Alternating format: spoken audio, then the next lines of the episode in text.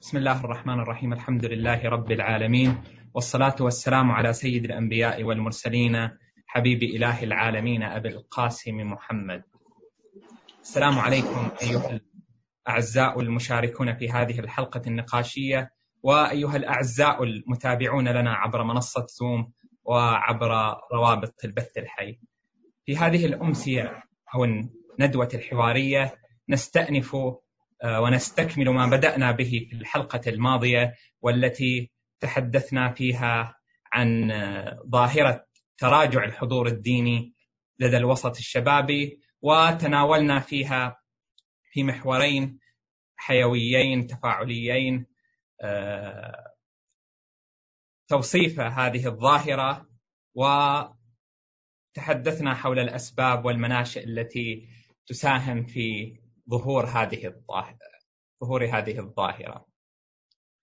آه، بالنسبة لهذه الندوة سأبدأ في هذا المدخل بعرض موجز لما لملخص لما تحدثنا حوله وما أثيرت من نقاط على اختلافها وعلى تباينها وعلى تنوعها حتى آه، ننتقل إلى مقاربة وعلاج لهذه الظاهرة عبر هذا الحوار المثمر إن شاء الله. آه، بالنسبة للمحور الأول في الحلقة الماضية تحدثنا فيه حول آه، التراجع الملحوظ للحضور الديني وتوصيف آه، هذه الظاهرة وخلصنا إلى عدة نقاط أختصرها وأسردها الآن. أولا هناك تراجع ملحوظ في حضور وتفاعل الشباب بشكل عام في الشعائر والطقوس الدينية بما في ذلك حضورهم في المساجد ومشاركاتهم في المناسبات الدينية والنظر إليها بكونها قشور وأمور هامشية ليست من جوهر الإيمان والدين. آه ثانيا هناك شريحة من الشباب تشعر بعدم الانسجام بين الفكر بين الفكر الديني والطرح العملي والفقهي ومتطلبات العصر.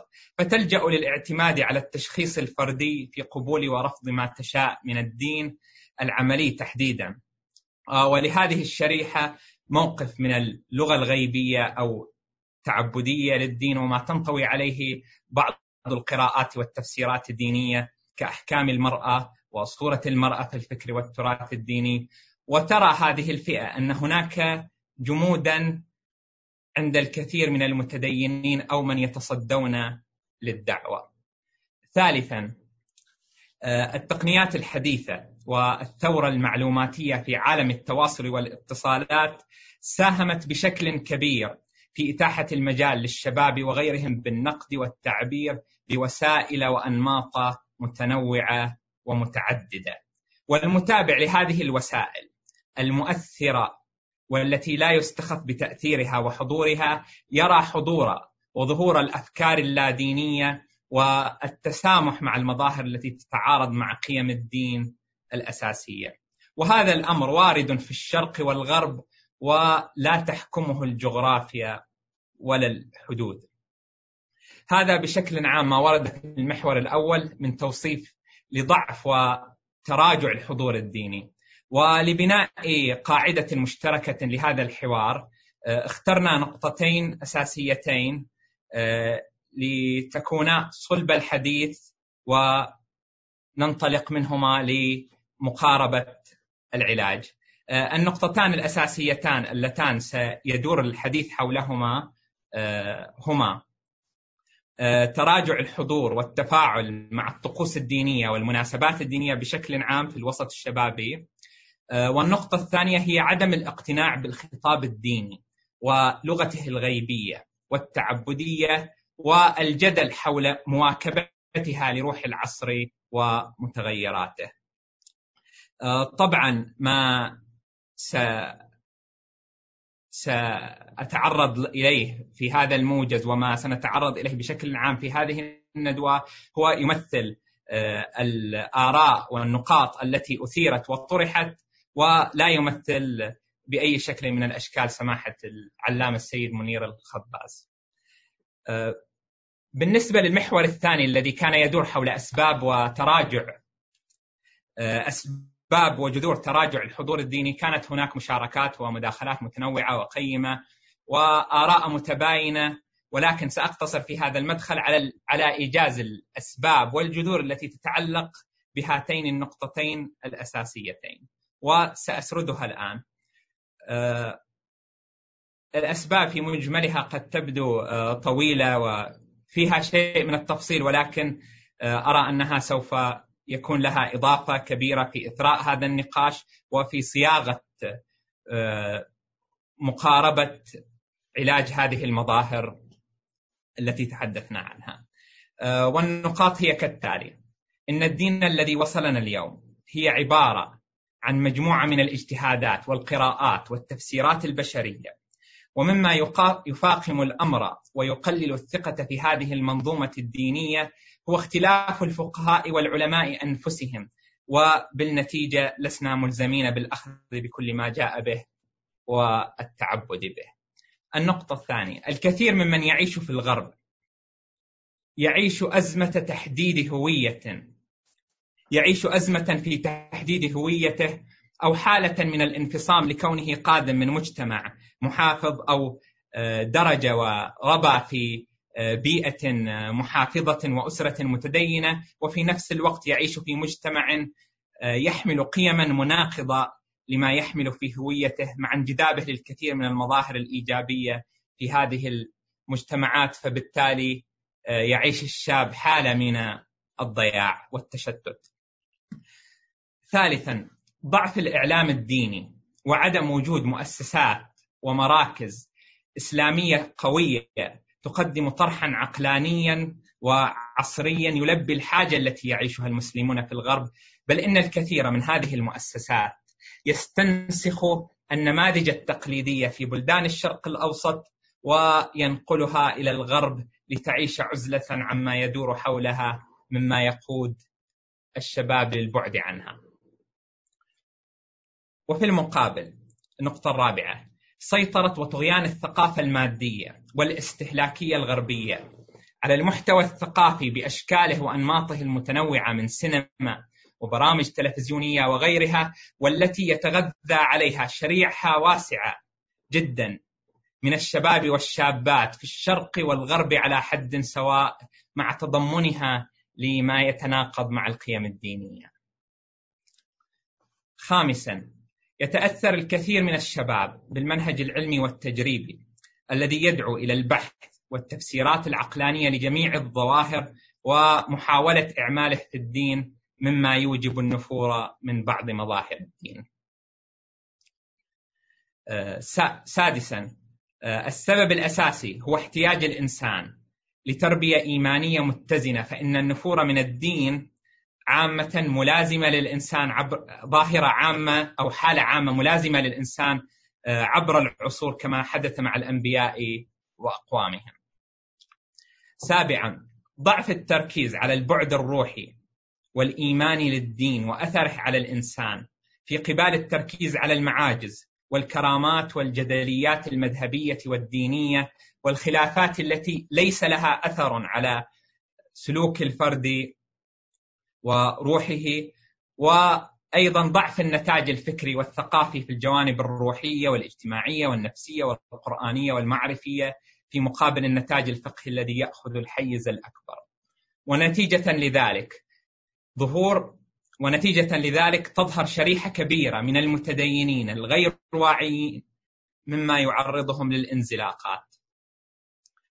ثامنا آه، النفور من الدين نتيجة سلوك بعض المتدينين أو الصورة النمطية للمتدين لكونه مشغولا بدقائق الأحكام ويعيش حالة من الجمود والانغلاق.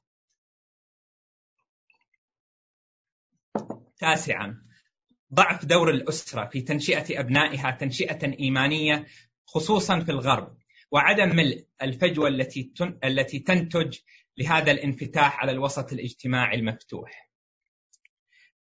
عاشرا عدم وجود مدارس دينية في الغرب تعنى بتنشئة الأطفال على المبادئ الدينية وترسيخها في نفوسهم بطريقة جاذبة أو اقتصارها على يومين مع وجود حاجز اللغة وضعف المادة التي تدرس فيها. السبب الحادي عشر ضعف البرامج التي تولي الاهتمام بالطفل وربطه بالقيم الدينية وقيمه وقيم ضعف البرامج التي تولي الاهتمام بالطفل وربطه بالقيم الدينية في المؤسسات والمراكز الدينية في الشرق والغرب. السبب الثاني عشر عدم وجود محتوى ثقافي ديني يتناسب مع روح العصر التي تقوم على الاختصار وتأثير الصورة والعبارات السلسة المباشرة بل على العكس من ذلك تعتمد الكثير من المنابر والمؤسسات الدينية لغة مبهمة واساليب معقدة في طرحها للدين مما يدفع الشاب المعاصر للانجذاب للطرح الحداثي الرشيق في أسلوبه الواقعي. هذا بشكل عام الأسباب التي أثيرت خلال هذه خلال الندوة السابقة وطرحتها بما تحمل من تباين واختلاف لننطلق منها في محور قادم للحديث حول الأسباب والجذور والمن... عفوا للحديث حول الحلول وطرق المقاربة والعلاج. قبل أن ننتقل لمحورنا الثاني نفتتح أو نختتم هذا المحور الأول بكلمة ترحيبية لسماحة العلامة السيد منير الخباز. ليتفضل مشكور. سماحة السيد. بسم الله الرحمن الرحيم. والصلاة والسلام على أشرف الأنبياء والمرسلين محمد وآله الطيبين الطاهرين.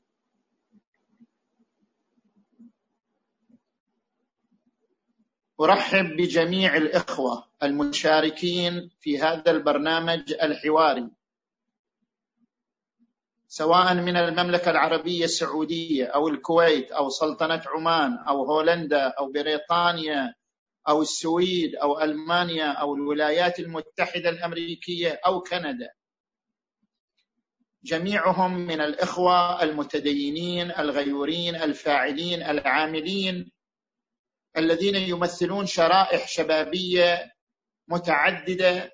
نرحب بهم في هذا البرنامج الذي الهدف منه أن نعطي رؤية عن مستوى الحضور الديني في كل هذه المناطق وأسباب تراجعه مظاهر تراجعه طرق المقاربة والعلاج لهذه المظاهر المتعددة وسوف نلخص هذه الرؤية إن شاء الله بعد ذلك كتبيا وشفهيا ليستفيد منها كل مبلغ للدين سواء كان من العلماء أو الخطباء أو الشباب العامل السلام عليكم جميعا ورحمة الله وبركاته. أحسنتم سماحة السيد. اذا بهذا ننتقل إلى المحور الثاني لهذه الندوة والذي سيكون فيه حوارا تفاعليا فيه الأخذ والرد حول الأطروحات المقترحة لطرق المقاربة والعلاج. الحوار سيكون هناك عدة أطراف لهذا الحوار. سيعطى كل طرف ثلاث دقائق بشكل مبدئي للتعبير عن وجهة نظره ورؤيته لطرق المقاربة والعلاج. القاعدة العامة للحوار إذا تجاوز الوقت. وقت المشاركة. ثلاث دقائق آه، سوف أعطي المشارك تنبيها آه، بالإيجاز والاختصار وإلى الأربع دقائق وبعدها آه، أنا بصفتي مدير الحوار قد أقاطع المشاركين إذا اقتضى الأمر وأطلب منهم إنهاء المداخلة أو أقفل المايك. طبعا أرجو من الأخوة الأعزاء أن يأخذ الأمر بروح رياضية وصدر رحب حتى يتسع الوقت للجميع بالمشاركة والإدلاء برأيه و إثراء الحوار.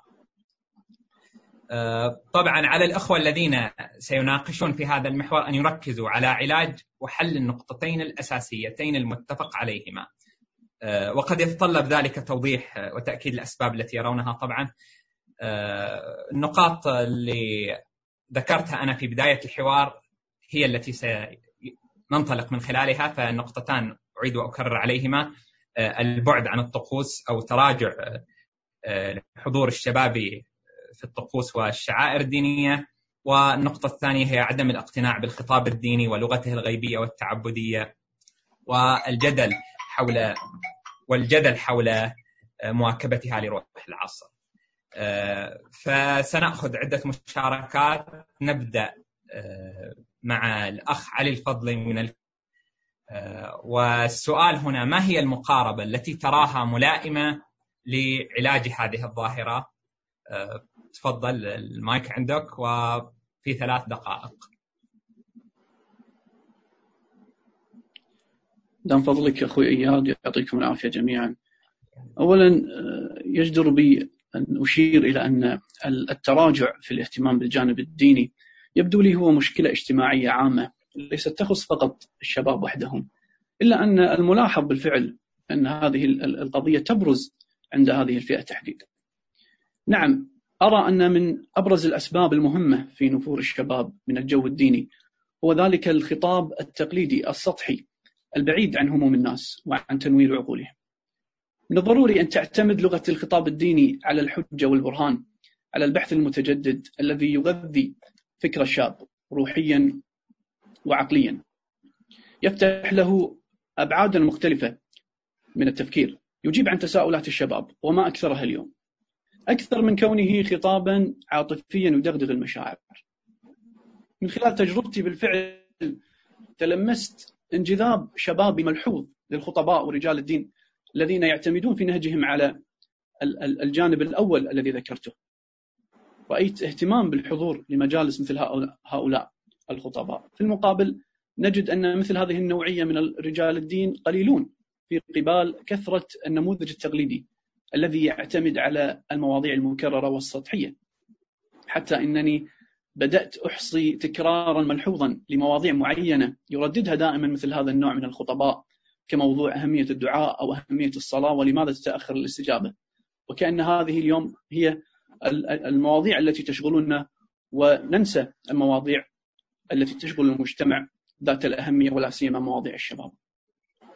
للأسف أجد أن من الأمور التي تقف في طريق معالجة مثل هذه الجزئية أن هناك قاعدة مجتمعية تبدو لي كبيرة.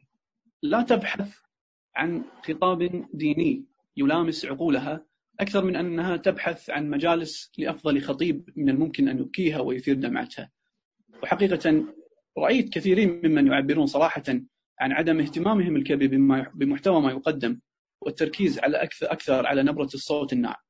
صوت الناعم بالمقابل بما أننا إحنا شخصنا هذا الجانب من المشكلة يفترض عند هذا الحد يقف الشاب ويتأمل جيدا.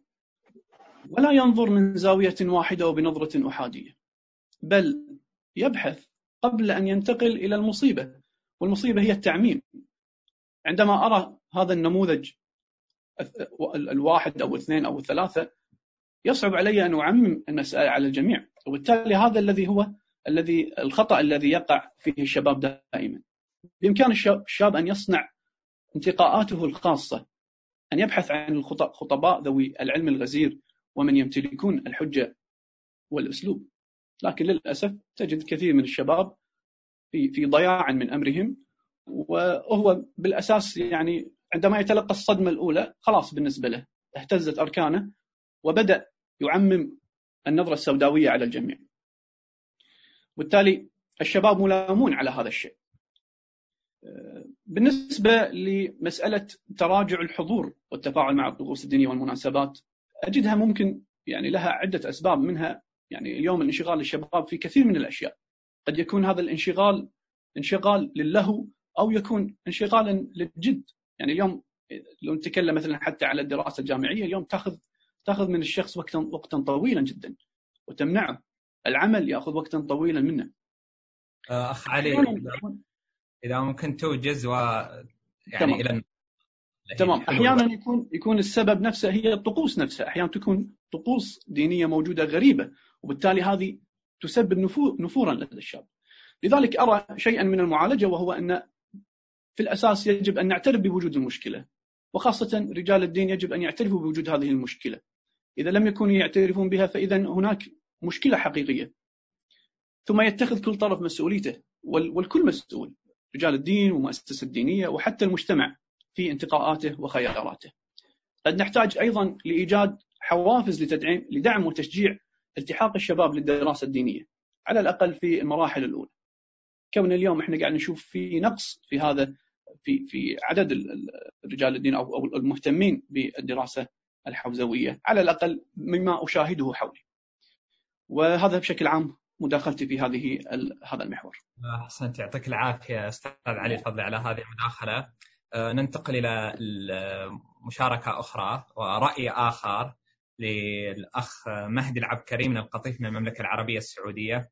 آه، طبعا أنا أطلب من الأخوة الذين آه، يرغبون في المشاركة أو الذين لديهم مشاركات ومداخلات أن يرفع المايك.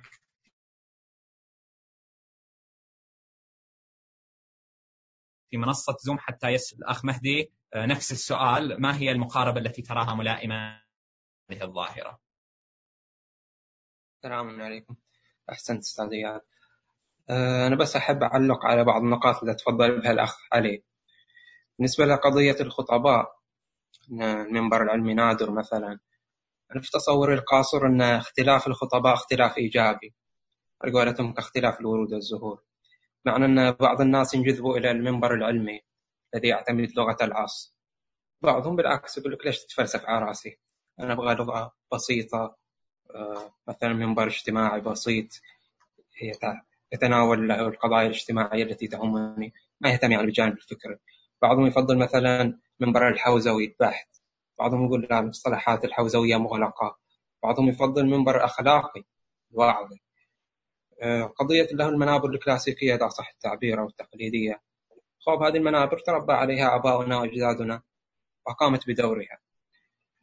كلام أن كثير من الشباب لا ينجذبون لهذه المنابر هل هذا يقتضي أن نلغيها؟ ما أتصور أن هذا تصرف صحيح. نعم يمكن ما تكون مناسبة للبث للنشر العام. كما في توصيات المرجعية العليا يعني اعتماد لغة توصيات المرجعية العليا الأخيرة للخطباء أشارت المرجعية إلى اعتماد اللغة التي تناسب العصر بس هذا ما يعني إقصاء المنابر الأخرى وإنما في الخطاب العام لابد من ملاحظة هذا الجانب. يعني بعض الخطباء على قولتنا من أهل الأول أو من أهل الله المستمع بعد من أهل الله. فخله يتكلم براحته مسكين ولا تنشره ولا تبثوا له هذا نقطة. النقطة الثانية بالنسبة لقضية انجذاب الناس للنعي. خب هذا له أساس شرعي. يعني المأتم الحسيني ليس مجرد محاضرة أو ندوة بل هو مأتم في النهاية. وحضور المجلس الحسيني تعظيم لشعائر الله إحياء لأمر أهل البيت عليهم السلام مواساة لهم وكل ذلك مطلوب ومندوب. فبدل ما إحنا يعني ننظر إلى هذه النظرة بشكل سلبي. بالعكس نستغل يعني الانجذاب العاطفي كما تفضل الأخ علي. يعني هذه شريحة كبيرة اللي تنجذب إلى الأصوات الجذابة بس حبذا لو هؤلاء الخطباء بعد يركزوا على الجانب الآخر. يصير جمع بين الحسنيين. بس يعني دعوة إلى تقليص عنصر الدمعة في المنبر ما أتصور أنها موفقة. نقطة ثالثة وأكتفي بها. قضية اللي هو أسلوب الخطاب. يعني البعض قد يقول لماذا لا نستخدم مثلا باوربوينت أو لماذا ما نستخدم فيديوهات أو مقاطع مرئية بحيث تكون قريبة من لغة العصر. طب هذه يمكن تكون غير مناسبة لجو المأتم. يعني الناس بعضهم يتحسسوا من إحنا نتصرف في الصورة النمطية للمنبر بس يمكن استخدامها مثلا في الندوات. خصوصا إن الندوات يعني غير مقصورة على الخطباء. يعني إحنا عندنا في مجتمعاتنا الحمد لله علماء وفضلاء كثر. مو مستفيدين منهم واجد فنقدر نستضيفهم في هذه الندوات ونستخدم هذه الأدوات. أو مثلا مسابقة في التصميم ونحوه ممكن توجد خلاص تمام. أه نرجع إلى الأخ علي الفضلي. إذا هل لديك تعقيب على كلام الأخ مهدي؟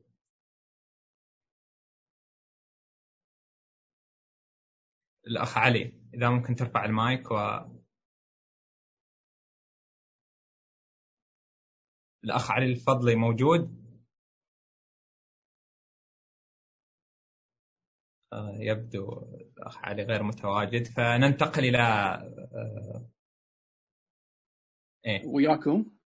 إيه عندك تعقيب سريع على أنا بالعكس يعني أخوي مهدي.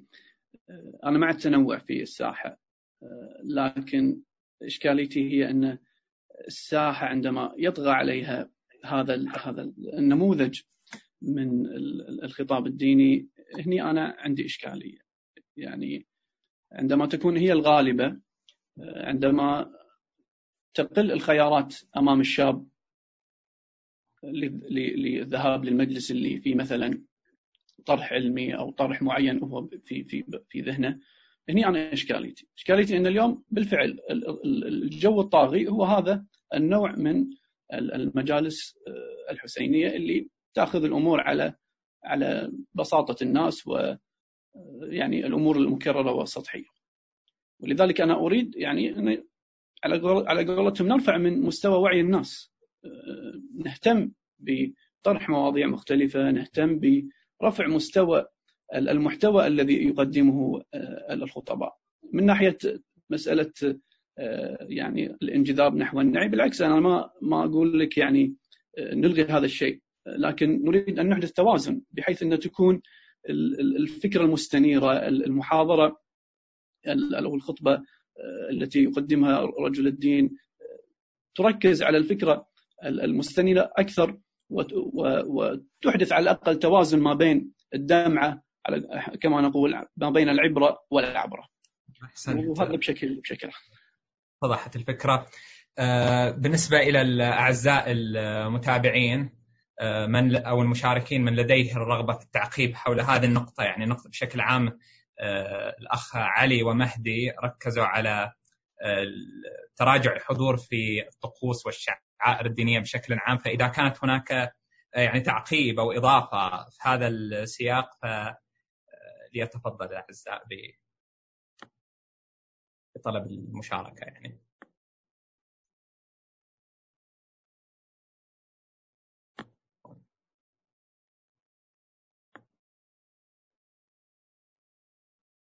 إيه، لدينا مداخلة من الأخ مؤمن فتاح. السلام عليكم ورحمة الله وبركاته. الأخ مؤمن فتاح إذا ممكن آه، مداخلة في ثلاث دقائق باختصار إن شاء الله. بالموضوع. السلام عليكم ورحمة الله وبركاته. آه، طبعا شكر جزيل للأخوة المنظمين لهذا اللقاء الحواري. آه، شكر الموصول طبعا لسماحة السيد الخباز. أحب أعقب على الكلام الأخوة ويعني أضيف عليه. اللي ذكر الأخ علي الفضلي أنه هنالك جانب يبدو أنه يجب أن نلتفت إليه هو جانب الالتحاق بالدراسات الدينية والحوزة العلمية. يبدو أنه ليس بالمستوى المطلوب. حجم التحديات اللي موجود على الساحة وحجم التحديات اللي موجود بشكل عام في هذا العصر المتسارع آه، يحتاج أنه التشجيع بهذا الاتجاه والتكثيف بهذا بهذا المجال يعني يعني جعل ترغيب لهذا الجانب. والنقطة الثانية اللي هي في تصوري أنها الأهم أنه كمؤسسات دينية ك يعني كحوزات ك... إلى آخره آه، الجانب الإعلامي في هذه المؤسسات ليس بالمستوى المطلوب. يعني هنالك عطاء فكري هنالك نتاج فكري هنالك بحوث هناك دراسات معمقة. لكن كيفية إيصال هذه المواد إلى المجتمع غير متوفرة يعني إلى حد كبير. يعني بالفترة الأخيرة بجهود تطوعية طبعا من بعض الشباب إنتاج بعض الفيديوهات المبسطة بإنتاج بعض المنشورات بالانفوجراف إلى آخره اللي هي هذه لغة العصر يعني. إحنا العالم تغير قبل إنه الأخبار تنتشر عن طريق الجرائد عن طريق الكتب إلى آخره. الآن لغة الانتشار ولغة الوصول إلى المجتمع هي هذه اللغات الإلكترونية مواقع التواصل الاجتماعي الانفوجراف إلى آخره. هذه إحنا على مستوى تخصصي ما موجود عندنا. أجهزة إعلامية متطورة لهذا الموضوع ما موجود لا بالحوزات العلمية ولا بال يعني بال مثلا أي جهة دينية تتبنى هذا الموضوع بشكل تخصصي لا أتصور إنه هذا موجود. يعني إحنا كل الجهود الموجودة هي جهود تطوعية. لابد من وجود أجهزة إعلامية آه، متخصصة متفرغة لهذا العمل لصياغة الأفكار الدينية والخطاب الديني والوصول بها إلى الشباب. آه، هذه بالضبط مثل شخص في عصر آه، انتشار الجرائد وليس له جريدة. غير يعني غيرك نرجع بالزمن شوية بالوقت اللي آه، صارت الانتشار طباعة الجرائد والى آخره. وأنت الأفكار اللي موجودة الشيوعية الماركسية كذا لديهم جرائد تنتشر كتب طباعة وأنت بهذا الوقت ما عندك جريدة تنشر بها. شلون ممكن تخاطب الناس؟ ما ممكن. جميل. جميل أخ. اتضح. اذا آه، نأخذ مشاركة أخرى من الأستاذ علاء شهاب من أمريكا مشيغن فليتفضل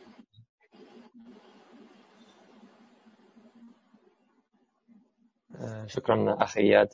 آه، مشاركتي باختصار نجد أن شبابنا المعاصر يعيش حالة تناقض ذاتي صارخ بين عالم النظرية حيث النصوص والتفاسير الغيبية وعالم الواقع حيث الثوابت والقوانين خاصة مع وجود طبقات من رجال الدين العاجزين عن تبيان الحقائق وتأويل النصوص والاجتهاد العقلاني المواكب للاكتشافات العلمية.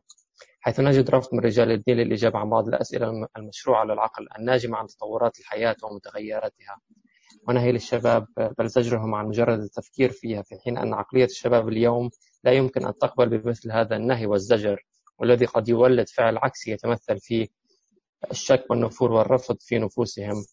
آه، فأود أن أطرح آه، السؤال على آه، الأخ دكتور جواد. ما رأيك في صحة البناء الغيبي للدين؟ وهل هناك فعلا حل عملي لتقريب الخطاب الغيبي الديني من الخطاب المادي المبني على أسس علمية. شكرا. جواد المايك عندك. أحسنتم دكتور علاء أنا وضعتني بال spotlight يعني مباشرة هاي جت مفاجأة إن شاء الله. بس تعليقتي دكتور آه، نحن صار حوار سابق بيننا عن هذا الموضوع إنه آه، أكو مجموعة نقاط في هذه القضية، واحدة إنه القضية الغيبية، نحن نحن نقول إنه الخطاب الديني خطاب غيبي آه، أو في علامه غيبية، لكن هذا غير منهي عنه، يعني الدين في النهاية نحن نبدأ بسورة البقرة.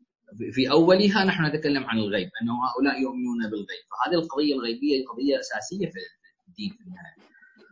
تبقى نقطة معينة وهي النقطة التي أتفق معك فيها كثيرا أنه أنه خاصة في الغرب شخصيا أنا عشت في الغرب لمدة عشر سنوات تقريبا. آه، المشكلة الأساسية اللي نواجهها أنه الطالب في الغرب أو الشاب في الغرب يعيش من منطلق أيامه من أول أيامه يبدأ في المدرسة يعيش على هذه الحياة العلمية على الأسلوب العلمي في الدراسة على على الدليل العقلي على على النتاج المترتب. أنا أجي أطلب من عنده إنه ينسى كل هذه القضية آه، وينسى السؤال ويبدأ مباشرة يقبل من عندي. هذا لا. هذا هذا هذا خطاب غير ناجح. لأنه هذا خطاب في الغرب هذا خطاب غير ناجح ابدا. الطالب أول ما يتعلم فيه وهو في الكي جي أو في التمهيدي والروضة يبدأ إنه إنه لابد أن تسأل لابد أن تستفسر لماذا هذه القضية بهذه الطريقة صارت. هو يطالب بهذه القضية اليوم أنا أجي أطلب من عند هذا الطالب نفسه إنه لما يحضر لمحاضرة الخطيب إنه ينسى هذا السؤال. مع تطور الحياة هذا الطالب يتطور يصل إلى المرحله الأكاديمية. ما يطالب به هذا الطالب في المرحلة الأكاديمية في الجامعات أنه يفكر خارج المنظومة، إحنا نناديه out of the box thinking، يخرج عن هذا الإطار دائما. زين أنا أجي كعالم دين أبي أخاطب هذا الطالب هذا الشاب نفسه وأبي أقول له يا يا يا, يا ابني لابد أن تؤمن وإذا لم تؤمن فأنت خالفتني أو خالفت الدين أو خرجت عن الدين. أو أحيانا إذا هو هذا الطالب أو هذا الإنسان المستمع المؤمن بدأ يقوم بأمر أنا كشاب أو عالم دين لا أتفق معه أبدأ أنهره أبدأ أكسره. هذه القضية هتنفر دائما الشباب المؤمن من ساحاتنا الدينية. فأنا أتفق قطعا معكم انه أسلوب النه... أسلوب آه، الخطاب الديني الغير معتمد على الأساليب الحديثة في التعليم آه، أو الأساليب الإقناعية في التعليم أو الأساليب الإقناعية في الدين مع استخدام الاسلوب الأكاديمي. سواء شئنا ما بينا. طلابنا أبنائنا يعيشون الحياة الأكاديمية. يعيشونها نحن المفروض ما نخرج عن هذا الإطار. هم يعيشون لابد أن نقبل بذلك. لابد أن نغير أسلوبنا أسلوبنا الديني حتى يتوافق مع هذا الأسلوب. فإذا نحن نحتاج لهذه القضية. نحتاج عالم الدين الذي يذهب للتبليغ. يا أخي أنت تذهب للتبليغ. إذا لابد أن تلتزم بهذا الأسلوب الذي هو مناسب لذاك تلك الفئه غيرها أنت كل الذي تفعله أنك تزيد الأمر سوء. تزيد أنه تجعل المجتمع المتدين في الغرب ينظر إليك وينظر إلى الحوزة على أنكم مجتمع بعيد عن الواقع. أحيانا يعتبرك مجتمع متخلف. أحيانا أصلا يرفضك مطلقا بل قد يخرج عن الدين بسبب أسلوبك. الآن هذا الأسلوب العاطفي الذي كان مع آبائنا. معذرة دكتور آه معذرة أستاذ إياد. أنا إذا أعطي المايك مرة ثانية أستاذ علاء إذا عنده تفضل لكن بإيجاز يعني. عموما أنا كانت تعليقتي الأخيرة فقط آه، أستاذ إياد إنه نحن نعيش مراحل في الغرب. عندنا فئة أولى كانت هاجرت في السبعينات. أسلوب العاطفي قد ينجح مع تلك الفئة. يعني يتذكرون العراق يتذكرون النجف يتذكرون قوم يتذكرون مشهد يتذكرون حالتنا الدينية. مع الجيل الثالث هذا الجيل هو جيل غربي جيل أمريكي جيل كندي جيل أوروبي. يعيش ذاك العصر. فلا بد أن يختلف خطابنا مع هذا الجيل مقارنة مع الجيل الأول بالمتغربين خاصة. وأترك المايك. جميل. المايك أستاذ علاء. شكرا أخي اياد أود الإضافة إلى ما ذكره الأخ دكتور جواد. آه، أننا بحاجة إلى متخصصين أكفاء بالقدر الكافي في هذا المجال في ظل تزايد أعداد الفقهاء والوعاظ التقليديين. والذين تقتصر بياناتهم الخطابية على التشدد في مسائل الإفتاء الخاصة بالحلال والحرام مثلا. هؤلاء المتخصصين برأيي يجب أن يكونوا ذوي خلفية أكاديمية بكفاءة عالية في مختلف العلوم حتى يستطيعوا الربط المنطقي بين العلوم الغيبية والعلوم التطبيقية بقدر المستطاع. هذا بكل اختصار. شكرا. جميل. نأخذ تعقيب من الأخ علي الجشي من الضيف المملكة العربية السعودية. المايك عندك علي؟ باختصار. والله شكرا للأخوة على هذا الطرح بالنسبة إلى ما ذكر الأخ جواد أنا الدكتور جواد أنا في صلب مداخلته من الأمور اللي تمتاز بها الآن الصيغة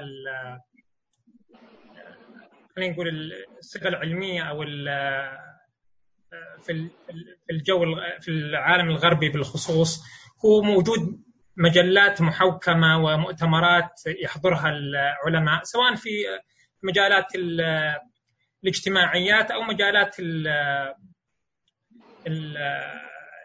العلوم التجريبية. والسؤال هو هل هل بالإمكان أن الآراء الفقهية أو الرسائل الفقهية كما نجد دائما رسائل للعلماء تكون كمثابة أوراق علمية آه، تمر على آه،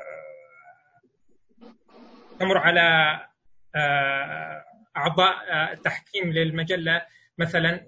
وليست بغرض أن أنها لا تتجاوز القنطرة إذا كانت مختلفة مع مبادئ أصحاب مثلا الريفيورز اللي يسموهم المراجعين. إنما أن أن تكون مخضعة إلى تحكيم آه، بالأسلوب آه، العلمي ويستطيع الشاب أن يتعامل معها كما يتعامل مع الأوراق العلمية آه، باعتبار أنه غير متخصص، فالغير متخصص يعتمد على مراجعين قاموا بمراجعة علمية إلى ما توصل له، ليس. بالفرض أن يكون هناك آه، مساواة إلى الآراء ولكن آه، باختصار هذه الداخل. شكرا. علي الشباب إذا لديكم آه، يعني دكتور جواد أستاذ علاء. أستاذ إياد أنا عندي تعليق بسيط بس تسمح. تفضل. آه، بالنسبة لقضية تعبد اللي أشار الكلام دكتور جواد من أبناء هذا الجيل يعني أمريكيين غربيين إحنا نحتاج لما نطرحها نطرحها بشكل عقلاني. يعني ما نقول إما تتعبد إما أنت ضال منحرف مثلا. لا إحنا لازم نفلسف قضية التعبد. لماذا نتعبد يعني؟ آه هذه القضية تحتاج تأصيل. أولا اثبت بشكل جذاب مقنع بلغة العصر. آه، قضية الحكمة الإلهية. قضية مثلا آه، أن المحورية للدين أم للإنسان. هذه قضية أساسية. إحنا المفروض نأسس لها وننطلق منها عشان يصير توافق بين على قولتهم بناء والمبنى. آه، من جهة أخرى ممكن تقربها حتى بقوانين وضعية. خب إحنا نلتزم بالقوانين حتى إذا ما عرفنا فلسفتها كلها بشكل تفصيلي. بس هذا اللي حبيت أضيفه. جميل. الدكتور جواد تفضل. أستاذ زياد أنا لي مداخلة لعلها في في صلب الأطروحة اللي بديت فيها انت ذكرت مجموعة من القضايا كتلخيص وأنا ما توفقت المرة الماضية أكون معاكم في الجلسه بس كان في تلخيص لكثير من الأسباب فأنا استأنست بهذا التلخيص وأنا عندي ملاحظة على هذه القضية. القضية إنه أنا أتكلم عن الخاصه عن المبلغ سواء كان ذاهب للغرب أو ذاهب للشرق ما تفهم. أنت كمبلغ يحتاج لك مجموعة من الأمور. واحدة من هذه القضايا أن تفهم هذا المجتمع. ولا تنقل مشاكل مجتمعك إلى هذا المجتمع، نحن كثير من الأحيان قمنا صراحة هذا لاحظناه كنا نقول عندنا قضية بالغرب إذا أكو عندنا مأتمين في إذا أكو عندنا شخصين في المدينة من الجماعة هنسوي ثلاث مآتم، مآتم واحد لكل طرف فيهم ومأتم ثالث حتى نجتمع ناكل مع بعض الإفطار. فكان عندنا هذه المشكلة إنه نحن خلقنا مشاكل، صدرنا مشاكل من دوننا إلى هذه الدول، هذه نقطة أساسية لابد أن يراعيها المبلغ. بس أيضا قضية أخرى هي قضية ذكرها الشيخ هادي في المحاضرة الما... في الجلسة الماضية حول قضية الجانب الروحي. نحن نحتاج كمبلغ. إذا أردت أن تصل لهؤلاء الشباب المؤمن لازم تنزل بأريحية إلى الواقع. يعني على قولتنا تنزل الواقع الميداني. أنت تحتاج تكون مثل الإمام الحسن. كمبلغ تحتاج تكون مثل الإمام الحسن. تأكل مع هذا العبد في نفس هذا الصاع. تجلس معه تتفهم معه تضحك معه. أنت تحتاج لتكوين هذه الصيغة التي هي صيغة القدوة وصيغة القدوة الروحية، هذه جزء مهم وقضية مهمة جدا. نحن نفتقدها للمبلغين من يذهبون إلى الخارج، يعني أنا تجربتي لما كنت عشر سنوات أنا واقعا ما شفت هكذا إلا لعلة واحد أو اثنين من هؤلاء المبلغين. هذه نقطة أساسية. ونقطة ثانية أساسية سأذكرها آه أنه نحن نحتاج أن نفهم لغة هذا الشاب لغة شاب العصر. الآن لا أستطيع ان ابدا أن أتكلم كمحاضر، أنا اليوم سمعت واحد يقول نستخدم PowerPoints أو slides أو شرائح عرض، شرائح العرض هذا تكنولوجيا قديمة، هذه قبل عشر سنوات مضت عليها، هذا هذا يمكن تخاطب بها مثلي، بس تخاطب الجيل الجديد تحتاج تحتاج infographics مثلا، تحتاج أمور جديدة. تحتاج أيضا تفهم لغتهم، وش هو ال Netflix؟ وش هو البرامج الموجودة حاليا على الساحة؟ كيف تستخدم الإنستغرام؟ وقضيه أخيرة أختم بها أنا كمبلغ إذا أرغب لا المفروض أن أتوقف عن أن أن ألوم الشباب بأنهم لا يحضرون إلى المجالس الدينية. إذا الشاب ما يحضر المجلس الديني أنا أذهب للشاب، أنا أذهب إلى الوسيلة التي يتعامل معها الشاب، زين أنا هو هدفي التبليغ مو هدفي فقط المجلس الديني كمجلس ديني، هدفي إيصال الشاب هذا الشاب المؤمن إلى ساحة ال... إلى إلى القرب الإلهي، إذا أنا هذا هدفي حقيقة اذا لابد أن أنزل. أنزل أتوجه إلى الساحة التي هو متواجد فيها الشاب الشاب موجود على الإنستغرام أنا أذهب للإنستغرام. الشاب موجود على الفيسبوك أنا أذهب للفيسبوك. أنا أحتاج أصل لهذا الشاب. إذا وصلت لهذا الشاب هو بعدين هيأتيني مباشرة. وهذا ما نفعله اليوم يعني سماحه السيد منير لعله من هاي من التجارب التي نلاحظ أن سماحه السيد يحاول أن يصل إلينا اليوم عن طريق هذه البرامج. اذا نحتاج مثل هذه التجارب من مجموعة أخرى من العلماء بحيث نعطي أول شيء ذائقه الناس أذواق. تختلف في ذوائقها نحتاج إلى أطراف أخرى بذوائق بأدوات مختلفة يذهبون إلى الشباب ويستخدمون الأدوات الحديثة حتى يصلوا إلى الشباب. ولعله تجربة كوفيد 19 أو الكورونا حققت هذا نوعا ما من ملاحظتي لما نراه على الإنستغرام وعلى الفيسبوك. وأترك المجال لكم أستاذ دكتور جواد في عندنا مشاركتين في هذا السياق. في مشاركة من الأخ أيمن الجشي من الولايات المتحدة والأخ محمد شكري من السويد. باعتبار أن مداخلة الأخ أيمن لها علاقة بتمام ربط بما ذكرت يعني فسأتيح له المجال. وباختصار باختصار أخ أيمن في ثلاث دقائق. السلام عليكم. اولا أشكر لكم إتاحة الفرصة للمشاركة في هذا الحوار. أنا عندي مشاركة قصيرة وبسيطة جدا أو, أو معرف بنفسي. أيمن فؤاد الجشي من الولايات المتحدة. آه، فمشاركتي قصيرة وبسيطة جدا. أحببت أن أطرحها. وهي متعلقة بالجزء الأخير مما ذكره الدكتور جواد أمين. آه، يقضي الشاب الكثير من وقته خارج الدراسة أو العمل أو حتى خلال الدراسة والعمل على شبكات التواصل الاجتماعي مثل سناب شات إنستغرام وتويتر وغيرها. الصفة المشتركة في هذه البرامج أو الوسائل هي السرعة والاقتضاب والاختصار في المحتوى. فلا يتجاوز المحتوى الذي يلقى رواجا وتداولا في معظم الأحيان يعني لا يتجاوز الدقيقة أو الدقيقتين على الأكثر أو لا يتجاوز 250 أو 280 حرف في تويتر مثلا. لاحظت في الآونة الأخيرة كما ذكر الدكتور جواد. لجوء الكثير من الوعاظ والمشائخ لهذه الوسائل من أجل إيصال رسائلهم ونصائحهم للشباب إلا أنني لاحظت أن أساليب الكثير منهم يعني غير منسجمة مع تعود عليه الشباب في هذه البرامج من محتوى مقتضب أو ومضات سريعة تتسم بالبساطة في الغالب. لذلك لا يتفاعل معها الشباب كثيرا. يعني أنا فقط يعني أظن أن الالتفات إلى هذه النقطة مهم ويمكن على ذلك إنتاج محتوى فعال يصل إلى شريحة أكبر من الشباب. وأود أخيرا أن أشير إلى أن هناك في الواقع بعض التجارب الناجحة. مثلا اطلعت على أحد الخطباء في باللغة الفارسية في الإنستغرام ولديه ما يقارب الثلاثة مليون متابع. وهو مجرد يعني خطيب. أه وجلهم من الشباب. ما يميزه وغيره من التجارب الناجحة في جذب الشباب في تقديري هو المحتوى المؤثر الممزوج بتأثيرات فنية يتفاعل معها الكثير. هذا مع الإيجاز طبعا.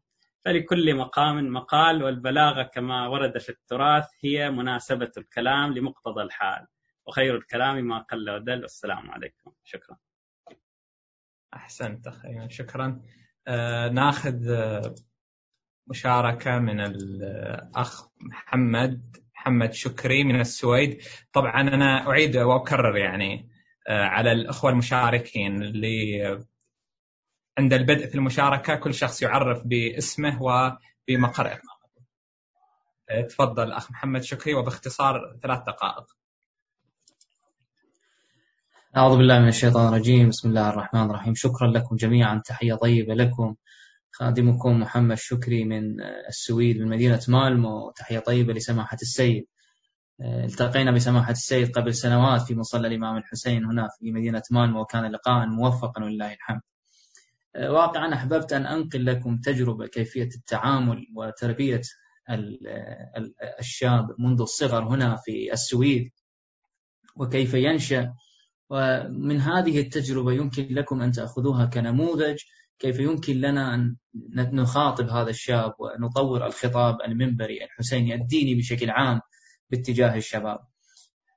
هنا في السويد ومنذ الصف الأول تصوروا أيها الإخوة منذ الصف الأول يعني عمر الطفل ستة سنوات منذ الصف الأول ينتخب ينتخب من قبل بقية أقرانه وبقية الطلاب ينتخب وليكون ممثل عن الصف وعن بقية مجموعة من الصفوف ليحاور الإدارة ويقول هذه هي آه، يعني هذه هي برامجنا نحن الطلبة وعمره ستة سنوات. ويمارسون هذا الحق كل سنة.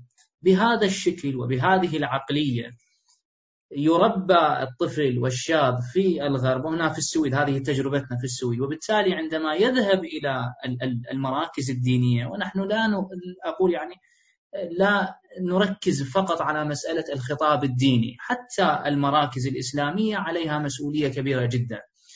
وعندما يذهب إلى المراكز الإسلامية يتعاملون معه كمتلقي فقط لا يتعاملون يعني يتعاملون عن وان واي فقط هو متلقي عليه أن يتلقى يفهم ويروح للبيت. وهو تربى على أن يكون ناقد على أن منذ الصغر يعني عمره ستة, ستة سنوات وهذه تجربة حصلت معي أنه أحد أقاربنا عمره ستة سنوات انتخبوه ممثل عن صفة ويروح يناقش المدير في أمور مدرسته وأمور صفة. بهذه الطريقة ويأخذ هذا الحق وهذه الشخصية وهذه وعندما يدخل إلى مراكزنا يعامل كما يشاءون وكما يريدون أهل المركز اللي هم آبائنا وأعمامنا من من وأساتذتنا من أبناء الجيل الأول ولكن يتعاملون بعقلية بعقلية جيلهم وبعقلية مجتمعاتهم.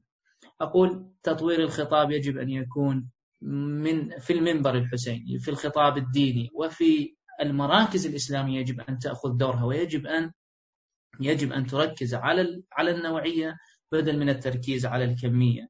نعم لا ضير في أن ندخل الباوربوينت ولا ضير في أن ندخل الأفلام ومقاطع الفيديو ماكو مشكلة. اليوم إحنا عندنا خطباء خطاباتهم ساعة وساعتين والناس تحبهم تسمعهم. سماحة السيد منير الخباز خطباء آخرين يعني موجودين مثل آه، الشيخ علي بناهيان في في في آه، في إيران. لا يعني خطباء كثر. ما شاء الله موجودين وناس تروح لهم أكثر ما تروح للحسينيات. القصد أنه في كل مجتمع لازم ناخذ اللي محتاجه المجتمع ويجب أن نطور خطابنا وفقا لتلك المنطقة وفقا لذلك المجتمع. من من الخطيب ومن المراكز الدينية. أعتذر على الإطالة وأسأل الله سبحانه وتعالى أن يوفقنا لخدمتكم. يعطيك العافية أخ محمد شكري شكرا على يعني مشاركتنا هذه التجربة من السويد. أه، سماحة السيد إذا كان لديكم تعقيب على ما ورد أو نأخذ مشاركة أو مشاركتين أه، من المناطق يعني.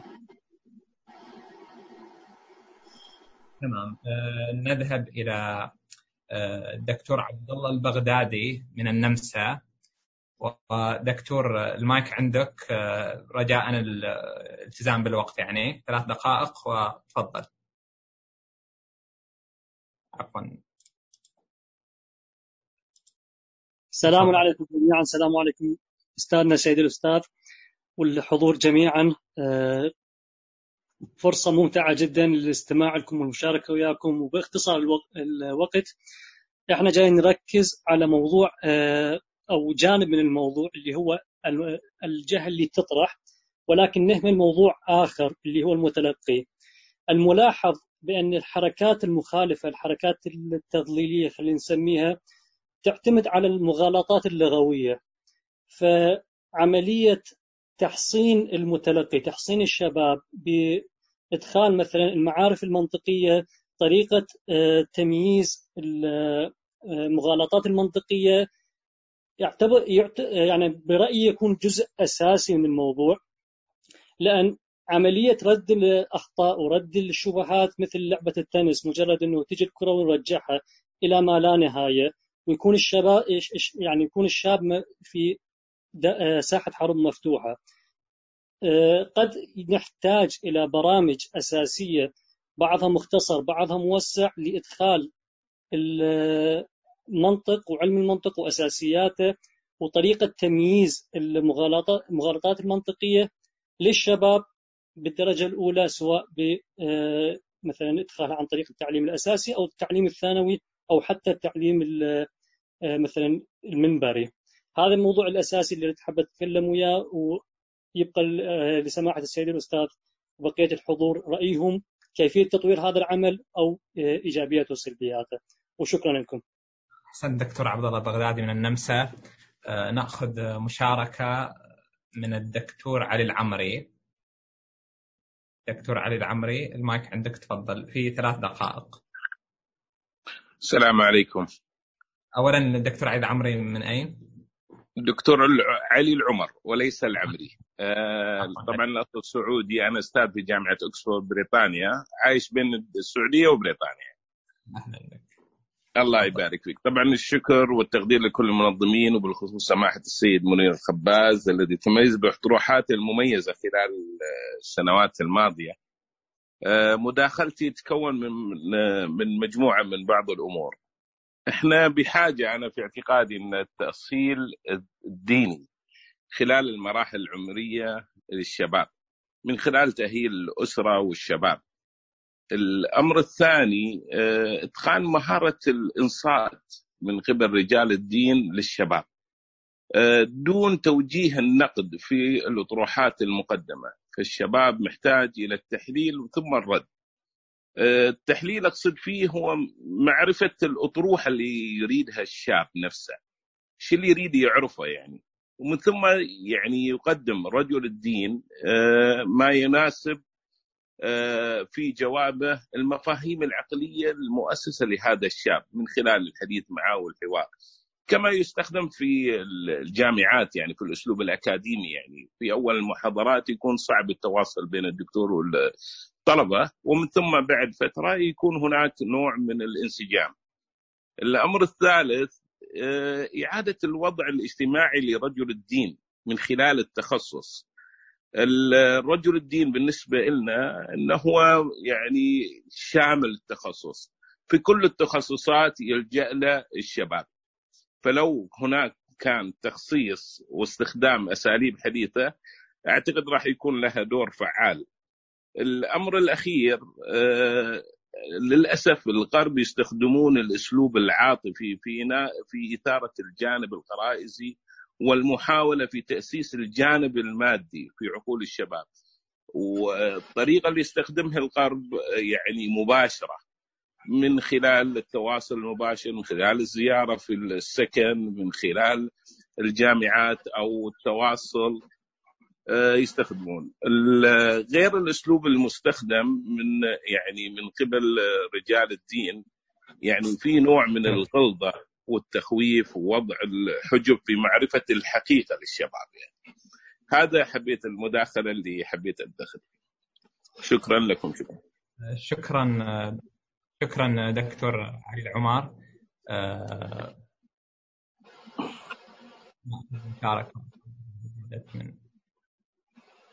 قبل أن ننتقل إلى المحور القادم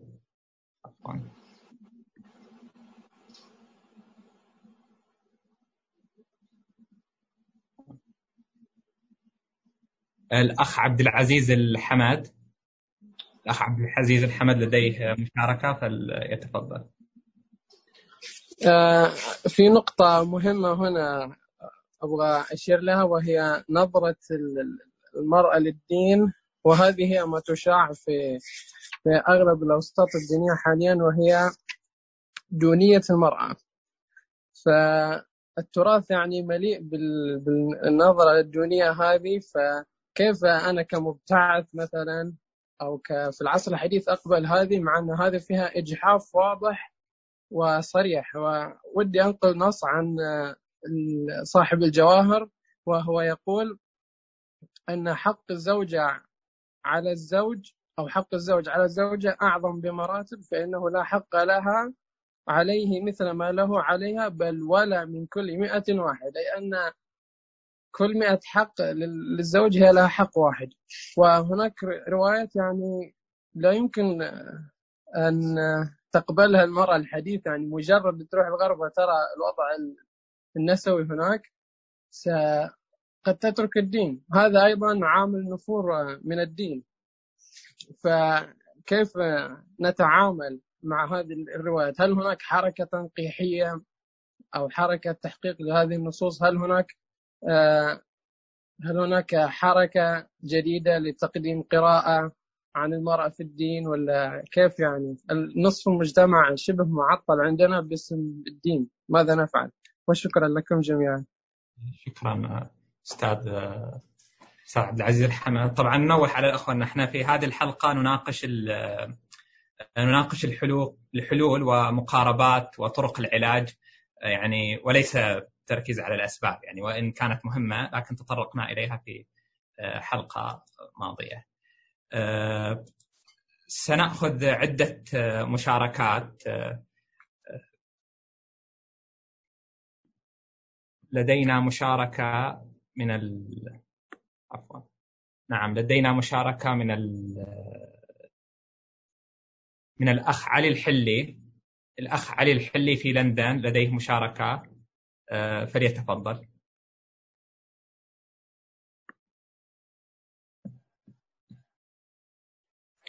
أعوذ بالله من الشيطان الرجيم. بسم الله الرحمن الرحيم. السلام عليكم جميعا ورحمة الله تعالى وبركاته. تقبل الله أعمالكم إن شاء الله بقبول حسن.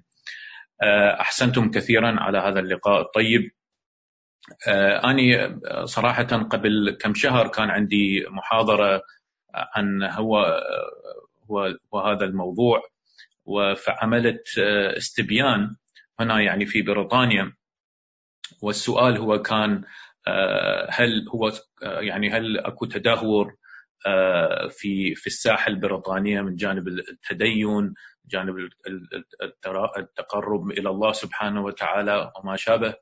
فأريد أطرح لكم الاستبيان إن شاء الله. اني ما أتجاوز الاربع دقائق إن شاء الله.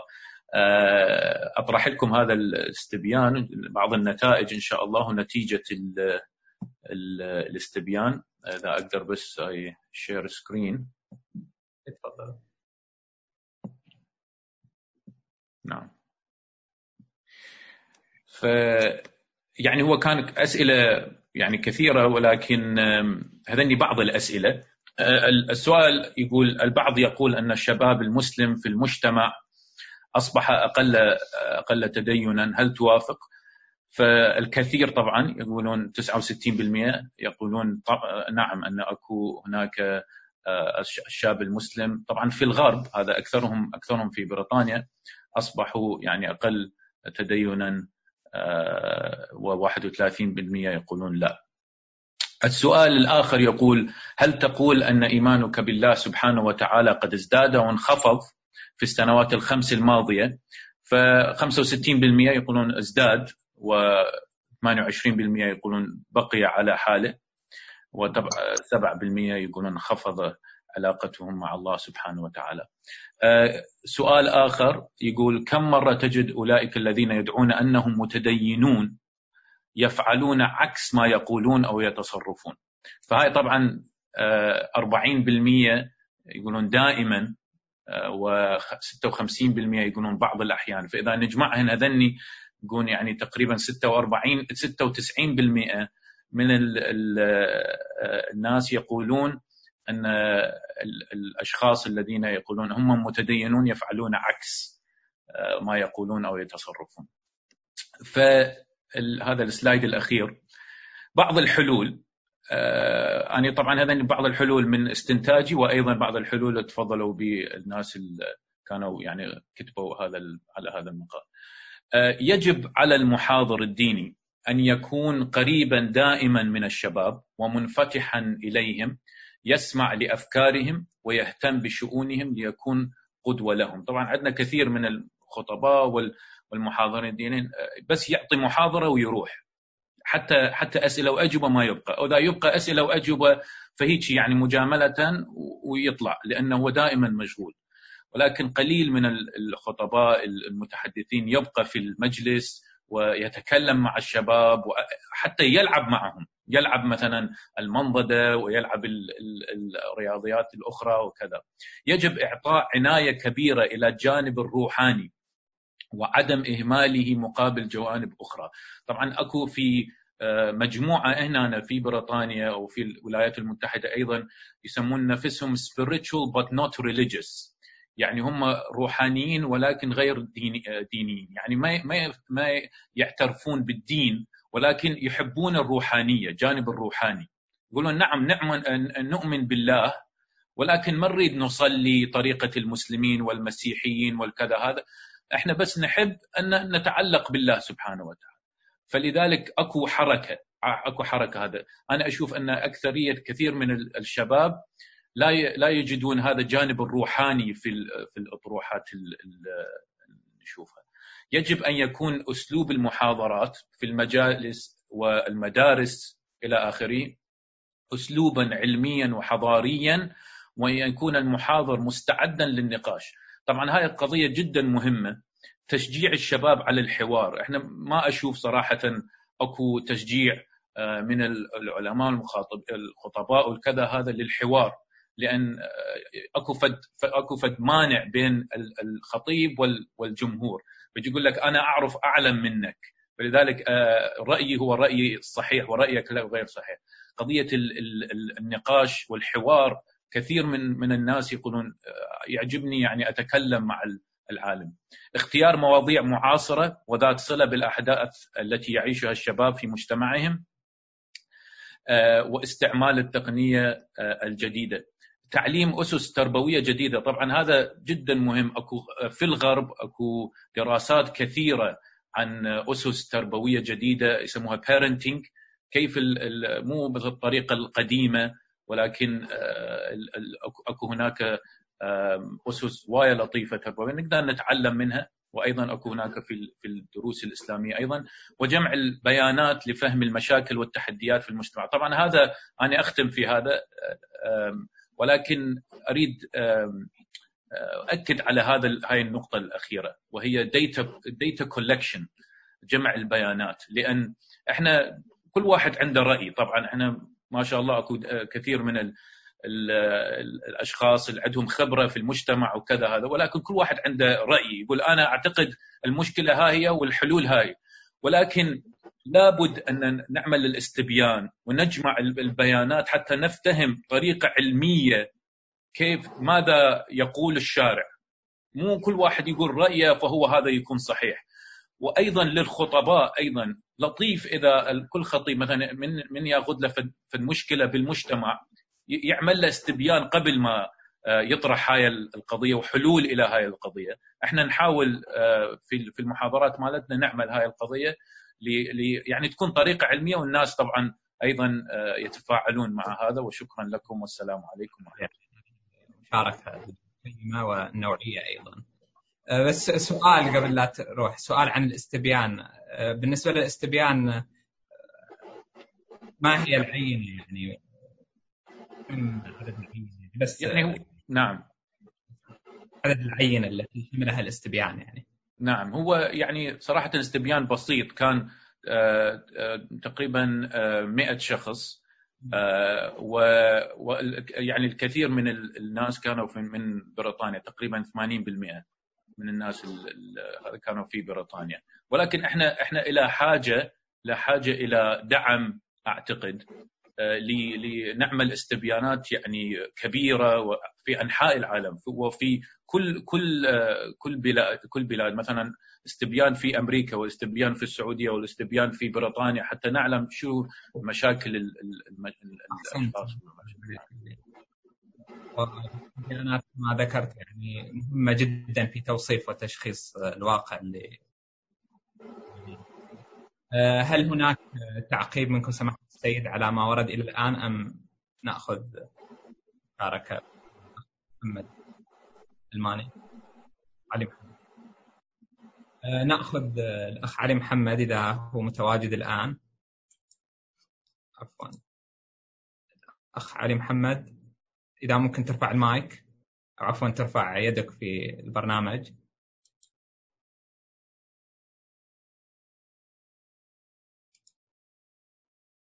يبدو الأخ علي محمد. الآن تسمعوني؟ تفضل أهلا. السلام عليكم جميعا ورحمة الله وبركاته. اولا أود أن أشكر السيد سماحة السيد منير الخباز وأشكركم جميعا على هذا الحوار المثمر والمهم ومأجورين ومتباركين إن شاء الله. يعني أنا الصراحة ما عندي إلى الآن أي أسئلة أو مداخلة معينة يعني. ولكن فرحت كثيرا يعني بهذه بهذا الحوار وأحببت أن أسلم عليكم جميعا وشكرا جزيلا. جميل. في مشاركة مكتوبة وصلتني الآن. أولا صوتي مس... هل صوتي مسموع جيدا سيد إياد؟ نعم. وصلتني مشاركة مكتوبة الآن.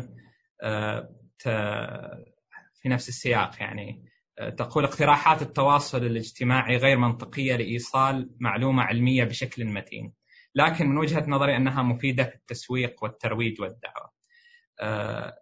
يمكن من المنصات القوية التي ممكن أن تساهم في هذا المجال منصة البودكاست حيث أنه على صيغة حوار وليست محاضرة. وبقية وسائل التواصل الاجتماعي ممكن تكون للتسويق بشكل أكبر. أطلب من عندنا الأستاذ أو الدكتور مصطفى الحماد من الأحساء لديه مشاركة. دكتور مصطفى. دكتور مصطفى تفضل.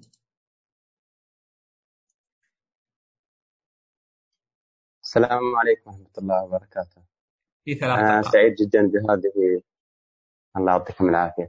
أولا أنا مصطفى أحمد الحماد من الأحساء مختص بالطب النفسي. أنا متفاجئ جدا من كمية الأفكار اللي طرحوها الإخوة باختلاف درجاتهم العلمية وتجاربهم يعني. وخجل صراحة أمام هذه الطاقات. أعتقد أنه في بعض الأفكار قد ذكرت سابقا لكني سأحاول أن أصيغها بشكل جدا رصين علمي من من جهة تخصصي. في البداية أنا أريد أن أفكر بلغة إيجابية نوعا ما. طبعا أنا أحاول أقرأ بعض الأفكار اللي صفتها سابقا. راح أمهد للحلول العلمية قبل ذكرها حيث أن نفس موضوع نفرط مجموعة من مجموعة أخرى أنا أصفها بهذه اللغة العلمية. هذا موجود في كثير من يعني طبائع الإنسان على مر العصور وليس بالجديد وال... يعني تم دراستها بشكل جيد وتقنينها بشكل أكاديمي. أيضا لي مثال واحد أكاديمي موجود عندنا في تخصص الطب النفسي يعتبر من أكثر التخصصات الذي مر يعني تاريخ من الحرب والصراع والهجمات والرفض. آه، في الأخير أنا أحب أقول في هذه النقطة التمهيدية أنه صحيح كلامنا عن الدين هو مختلف نوعا ما آه، أو بشكل كبير حيث أنه هي علاقة بين الإنسان وبين نفسه وبين المجتمع. يعني الدين هو يحتاج إلى علاقة الإنسان مع المحيط أيضا. لكن آه، يبقى سواء مثالي عن التخصصات الأكاديمية أو مثال الدين تبقى هذه الحالة من النفور هي حالة طبيعية. النقطة التي أريد أن يعني أن أمهد لها أيضا قبل الدخول الحلول. السبب هو في الأخير يعني حسب ما صيغ في كثير من النصوص العلمية هي الوضعية الديناميكية الغير صحيحة بين هذه المجموعات. فلكل مجموعة اهتمام ونموط مختلفة. يعني ممكن مع طوفان من التاريخ السحيق اللي يمر به الإنسان تتغير هذه الاهتمامات. حسب ما نرى فإن حقيقة هذا النفور الحاصل لا يخلو من كونه نتيجة مشكلة ديناميكية لحركة العلاقة الموجودة بين من يتبنى الدين ومن يبتعد عنه. على أربع مستويات سأقولهم بشكل سريع يعني. أولا في ظل هذه المجموعة التي صيغت آه، في مصطلح علم الاجتماع سموهم in-group out-group يعني داخل المجموعه وخارج المجموعة. فهناك تقريبا أربع مستويات تحدث المشكلة بينهم. مستوى الفرد مع نفسه داخل المجموعة مستوى الفرد مع نفسه ومع زميله داخل المجموعة مستوى الفرد مع الفرد الآخر خارج المجموعة ومستوى الفرد داخل مجموعته ومع المجموعة الأخرى التي يعني هي آه، في ضده. هذه المستويات الأربعة تعكس لنا إلى أي درجة موضوع المجموعات وعلاقتها فيما بينها موضوع معقد جدا. سأصيغ في الأخير الآن ثلاث أدوات علمية يعني يعني آه، لحل هذه الحالة من الديناميكية السلبية بين من يتبنى الدين ومن يتبنى النفره منه خصوصا المتمثلة في موضوع السلوكيات الشعائرية سلوكه الشعائري يعني أو فكره حتى الغيبي المعرفي يعني.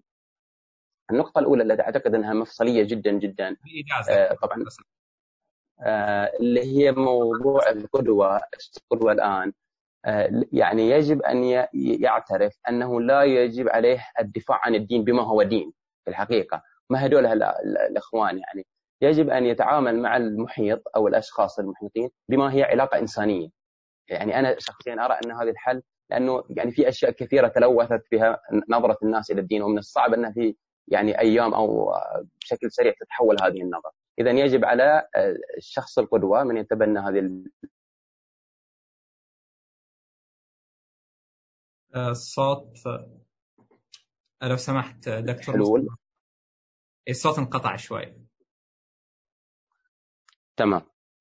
فالنقطة الأولى في الحلول إن يجب على كل رجل يعني من سواء كانوا من العامة أو من رجال الدين يبتعد قليلا عن نظرته إني أنا أحاول أن يعني أرجع الناس إلى الدين، هذه النية بسبب فقط من وجودها في ذهن الإنسان الذي يعني يدافع عن الدين راح تؤثر بشكل كبير على إنتاجيته، هذا مثبوت حتى في علم العلاج النفسي والتحليل النفسي أيضا.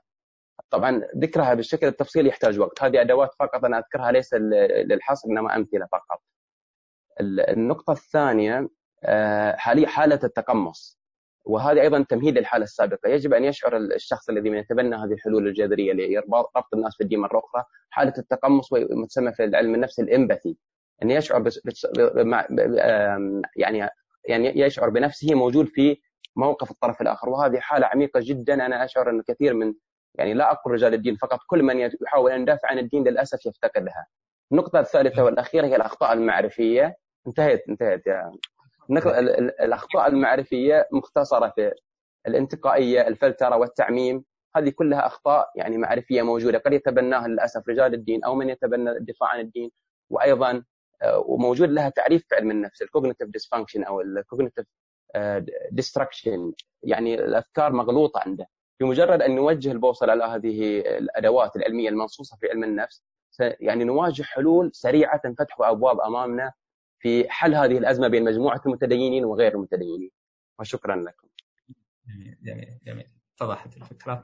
أه أه أريد أن أنوه بالنسبة إلى الأعزاء الذين لديهم رغبة في المشاركة أو المداخلة عليهم أن يرفعوا خاصية رفع يستخدموا خاصية رفع اليد في زوم على أساس إنه آه، نكون آه، يعني يسهل تنسيق المداخلات والمشاركات ونأخذ أكبر عدد ممكن.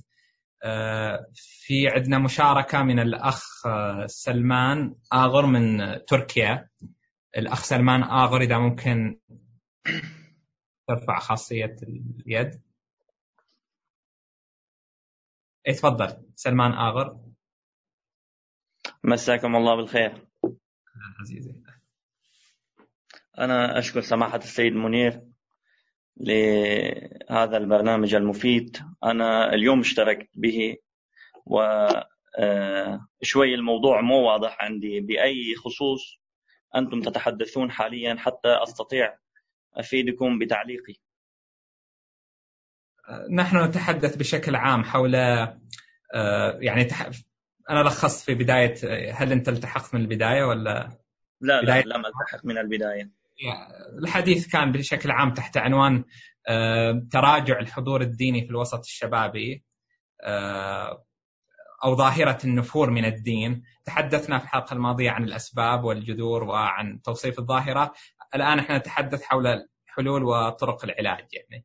نعم. طرق مواجهه فإذا نعم. لديك فكرة ترغبون باذن نعم طبعا السبب من النفور الدين له أسباب مختلفة حسب الجغرافيا وحسب الثقافة وحسب الدين الموجود الذي في هذا المنطقة لأن أحيانا الدين ينعاش حسب العادات والتقاليد. وكحل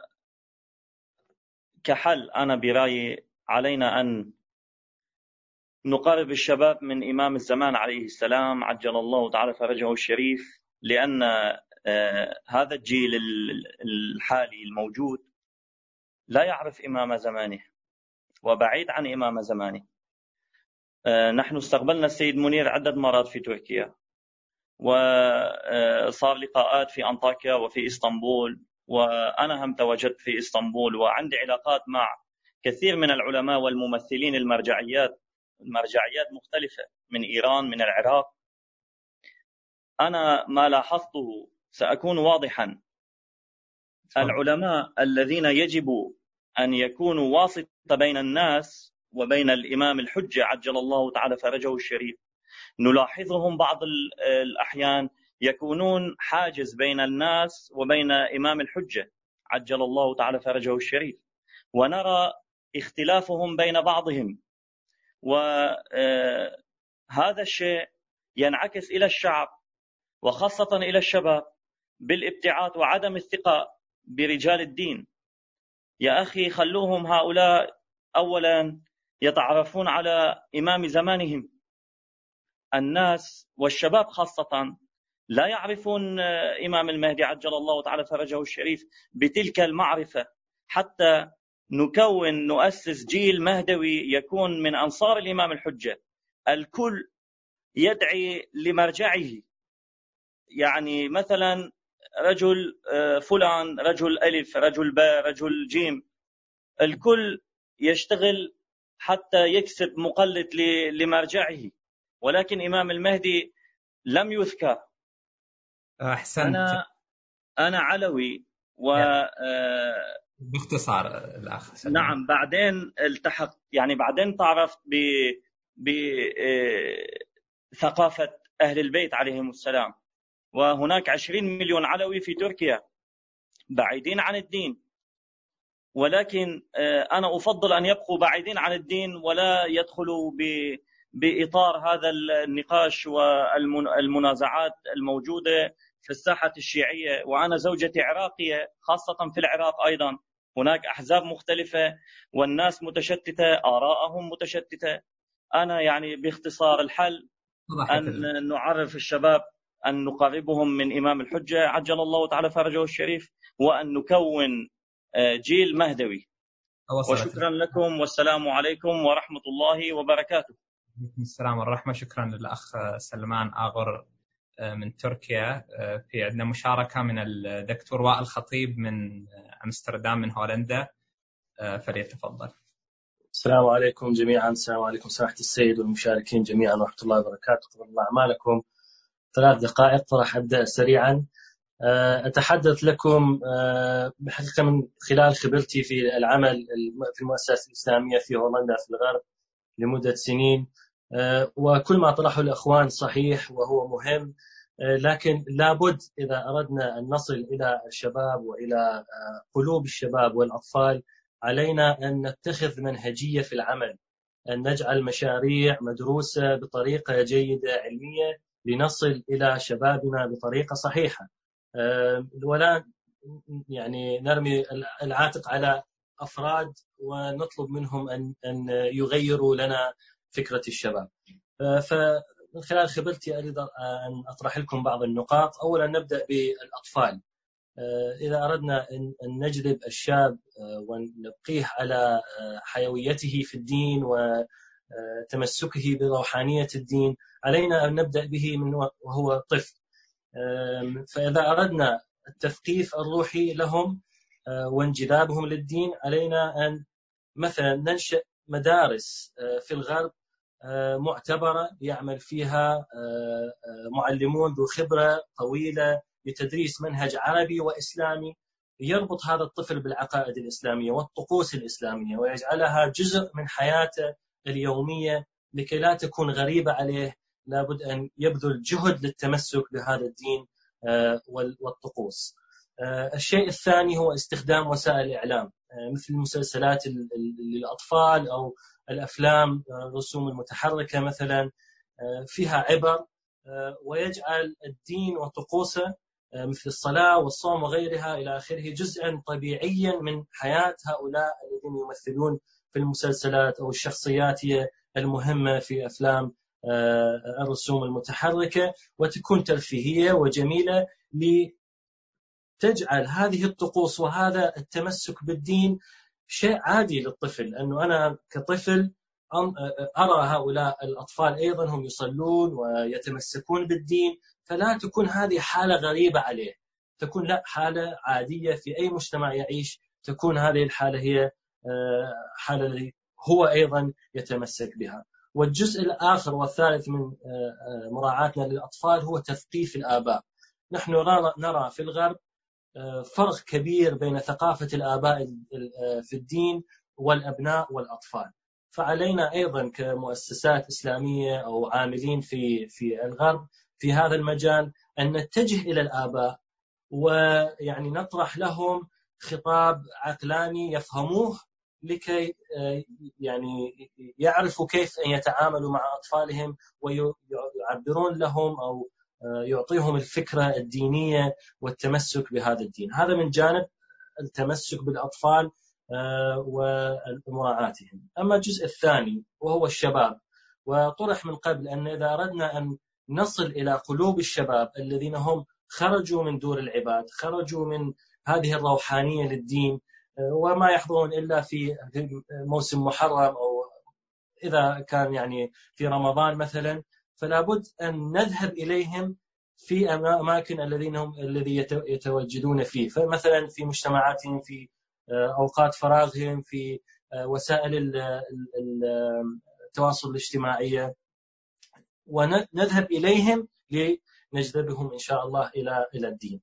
آه، عدة نقاط. أولا أن شيء مهم أن يكون للشاب قدوة آه، يعني شاب مؤمن مثقف يقتدي به هؤلاء الشباب ويرون أنه هو فعال بالمجتمع ومؤمن ومتدين ويكون حاضر في المساجد في نفس الوقت هو إنسان آه، عامل في المجتمع ويعيش مجتمعه بطريقة صحيحة وهذه المؤسسات لابد أن ترسم منهجية لاستخدام هؤلاء الشباب المثقفون.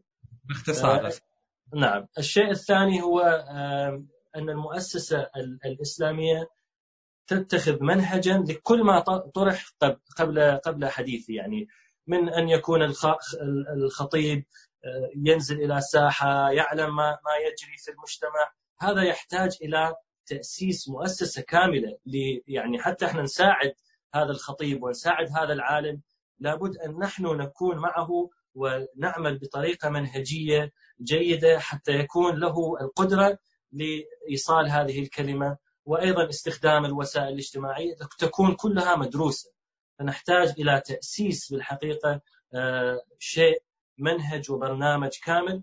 والشيء الآخر اللي أذكره باختصار جدا هو آه، تفعيل دور المسلم في المجتمع الغربي.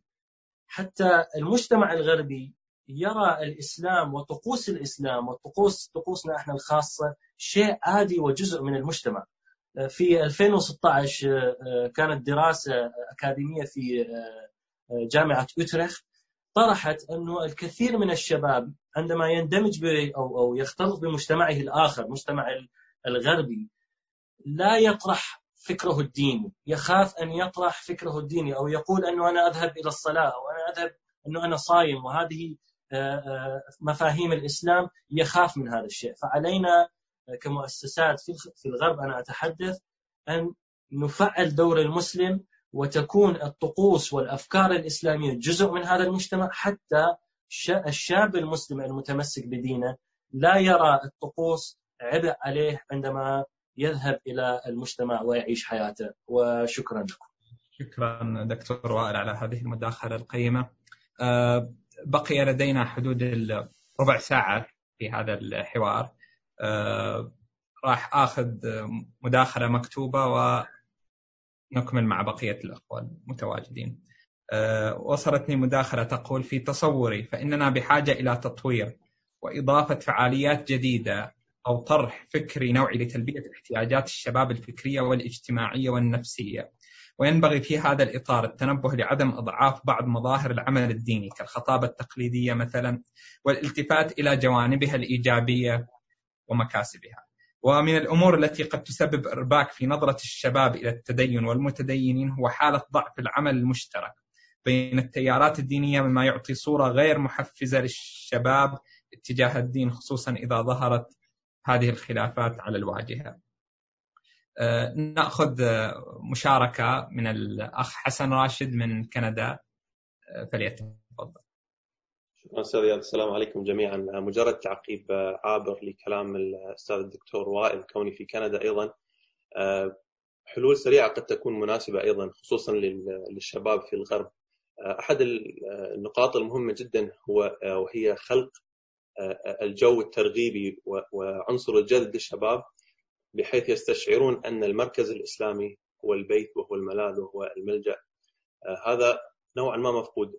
والسبب قد يكون أو أحد الحلول عفوا الشباب يحتاجون تجمعات بعيدا عن أجواء المحاضرة الكلاسيكية، يعني مثلا تكون في تجمعات شبابية، مخيمات صيفية، هذه الطرق يعني أثبتت كفاءتها جدا بحيث أن الشاب عنده أسئلة، عنده تساؤلات يريد أن يطرحها بعيدا عن وجود كبار السن أو الأسرة أو الأصدقاء الكبار بحيث يأخذ راحته في في طرحه مواضيع قد لا تكون مناسبة للطرح في المنبر.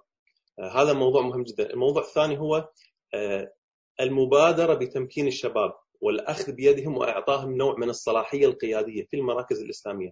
طبعا أنا أركز على المراكز الإسلامية لأن في الغرب دور المركز الإسلامي يختلف كليا عن الشرق. فمهم جدا أن للشباب تعطى مساحة لتفجير الطاقات الإبداعية مع وجود أكيد مراقبة وإرشاد من ذوي الخبرة في المؤسسات الإسلامية. والشيء الأخير هو بالنسبة لي مهم جدا وهو أحد الأسباب المؤدية إلى البعد عن الدين السلوكيات داخل المراكز الإسلامية. القول اللين وطول البال وأيضا فن الأمر بالمعروف أحيانا يؤثر جدا على سلوكيات الشاب. كمثال هناك الكثير من الأخوات في الغرب المولودين في الغرب يعني هي بدأت تتعلم على موضوع الحجاب.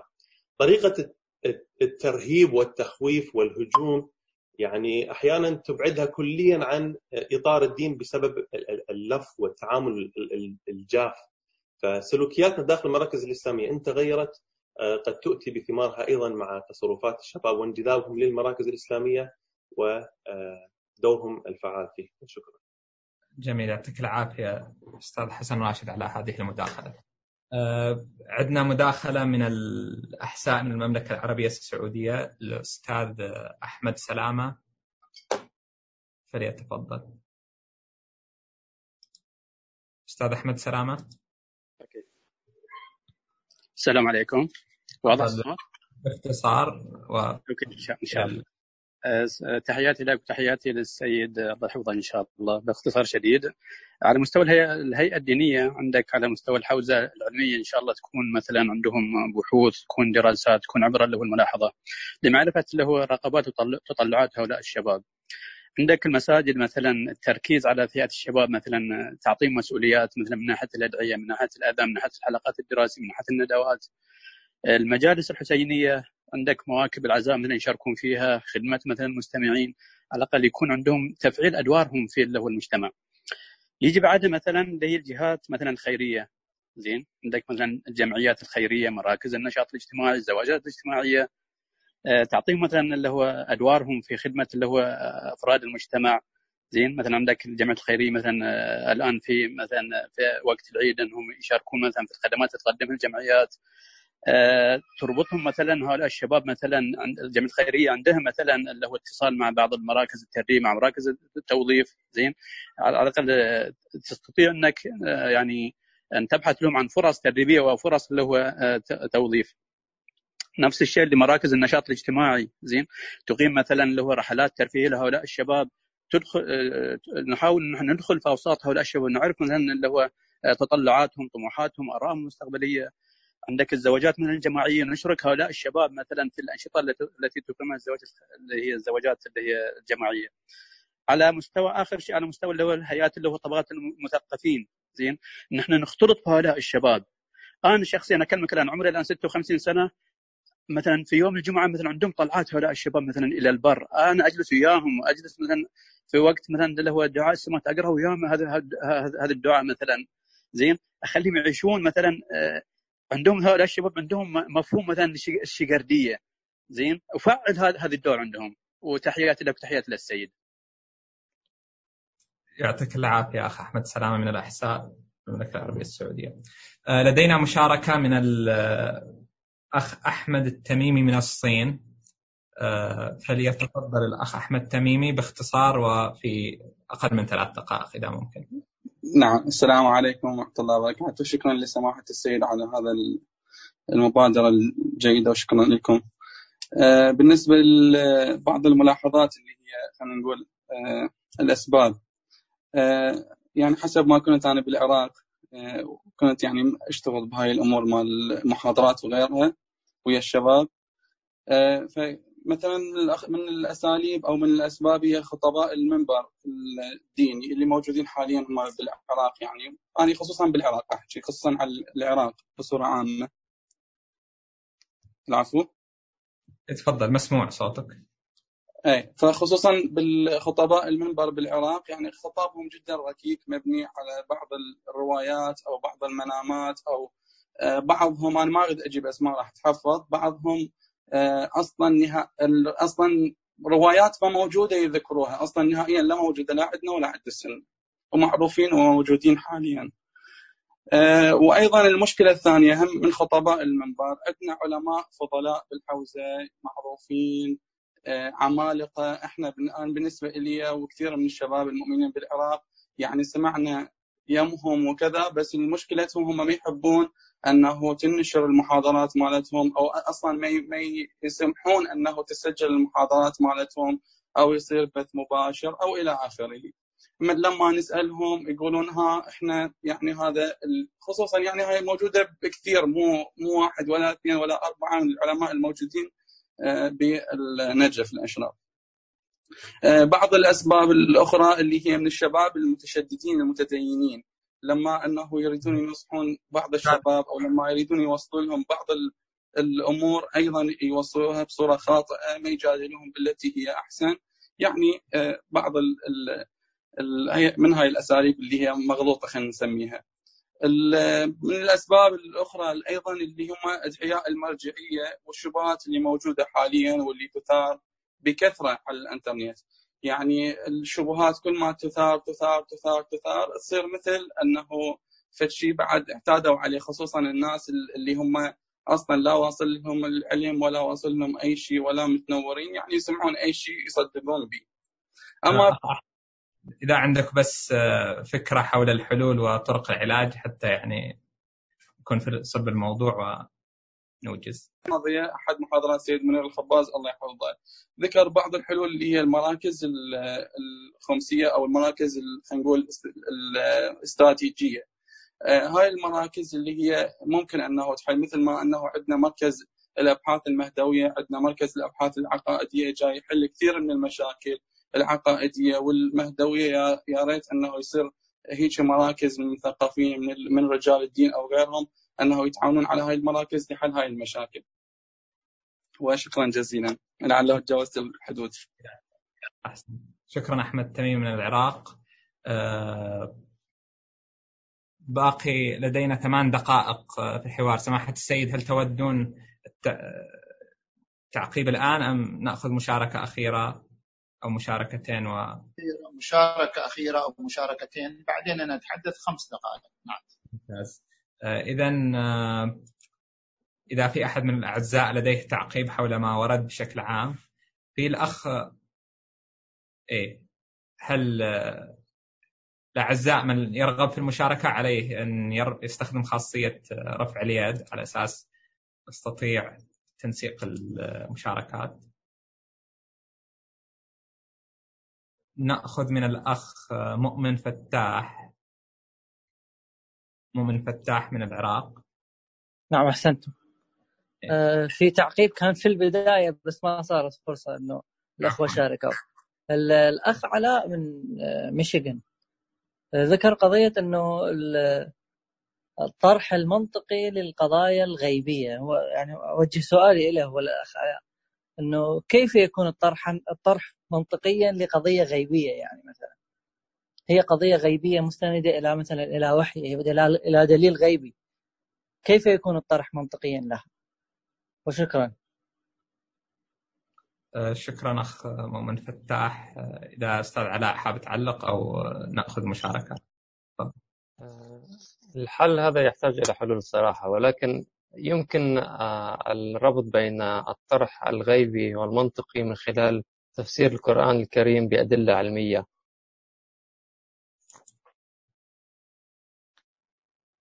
أود أن أنهي هنا شكرا تمام آه، نأخذ مشاركة من الأخ طاهر عباس آه، من المملكة العربية السعودية. السلام عليكم، الله يعطيك العافية أستاذي. آه، أشكركم وأشكر سماحة السيد على هذه الحوارية الطيبة.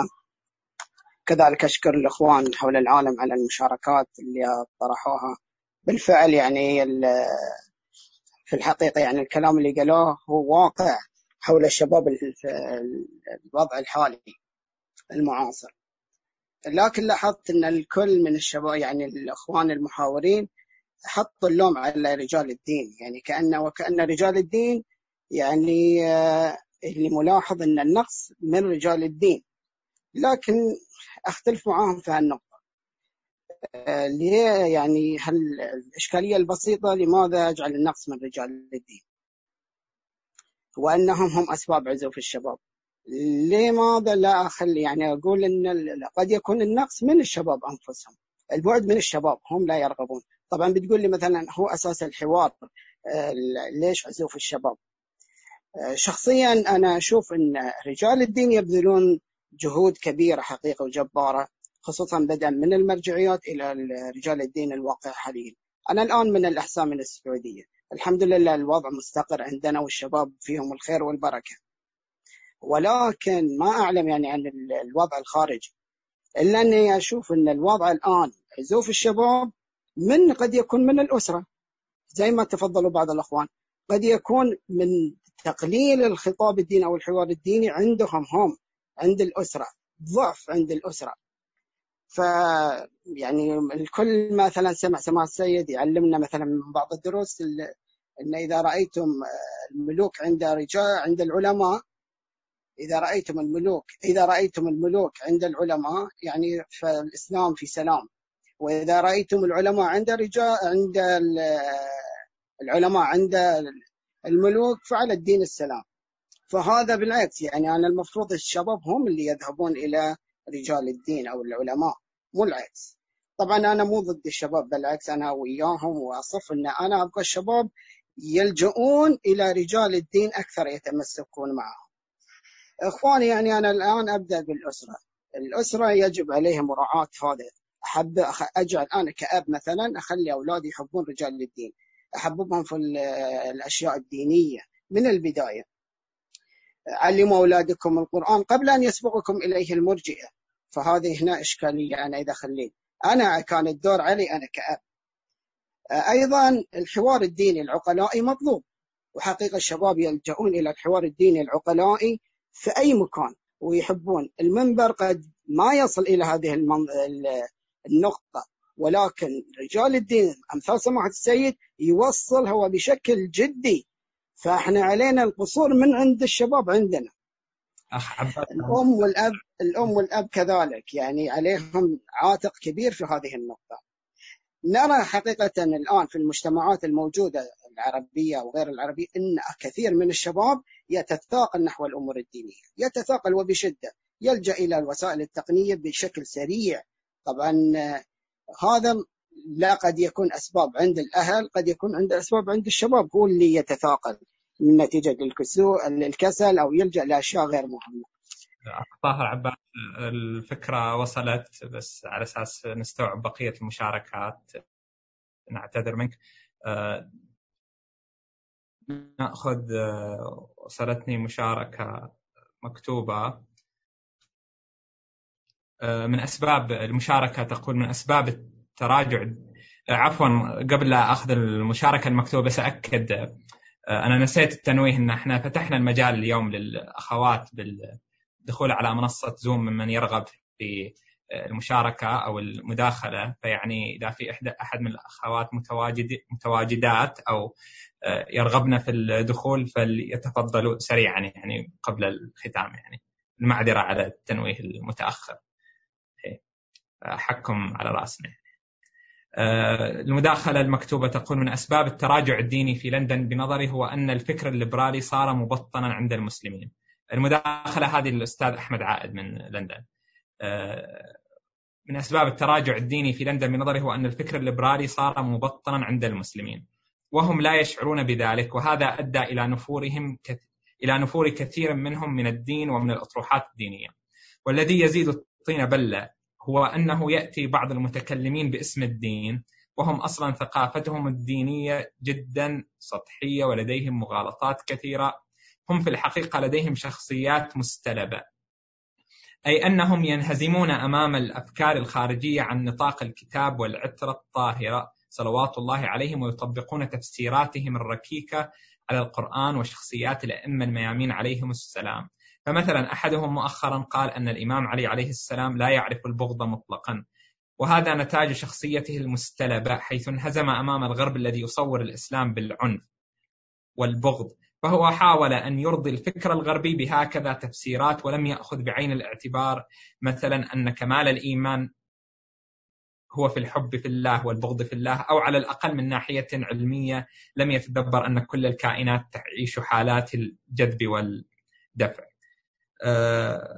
من الاقتراحات التي لديه آه، موسوعات فكرية عقائدية أخلاقية مثل تفسير الأمثل للشيخ ناصر مكارم الشيرازي تواكب العصر في طرحها مع حفظ اللمسات الغيبية للدين فإن استخدام المتكلمين والخطباء مثل هذه الموسوعات تجذب الشباب فإنهم سيفلحون إن شاء الله.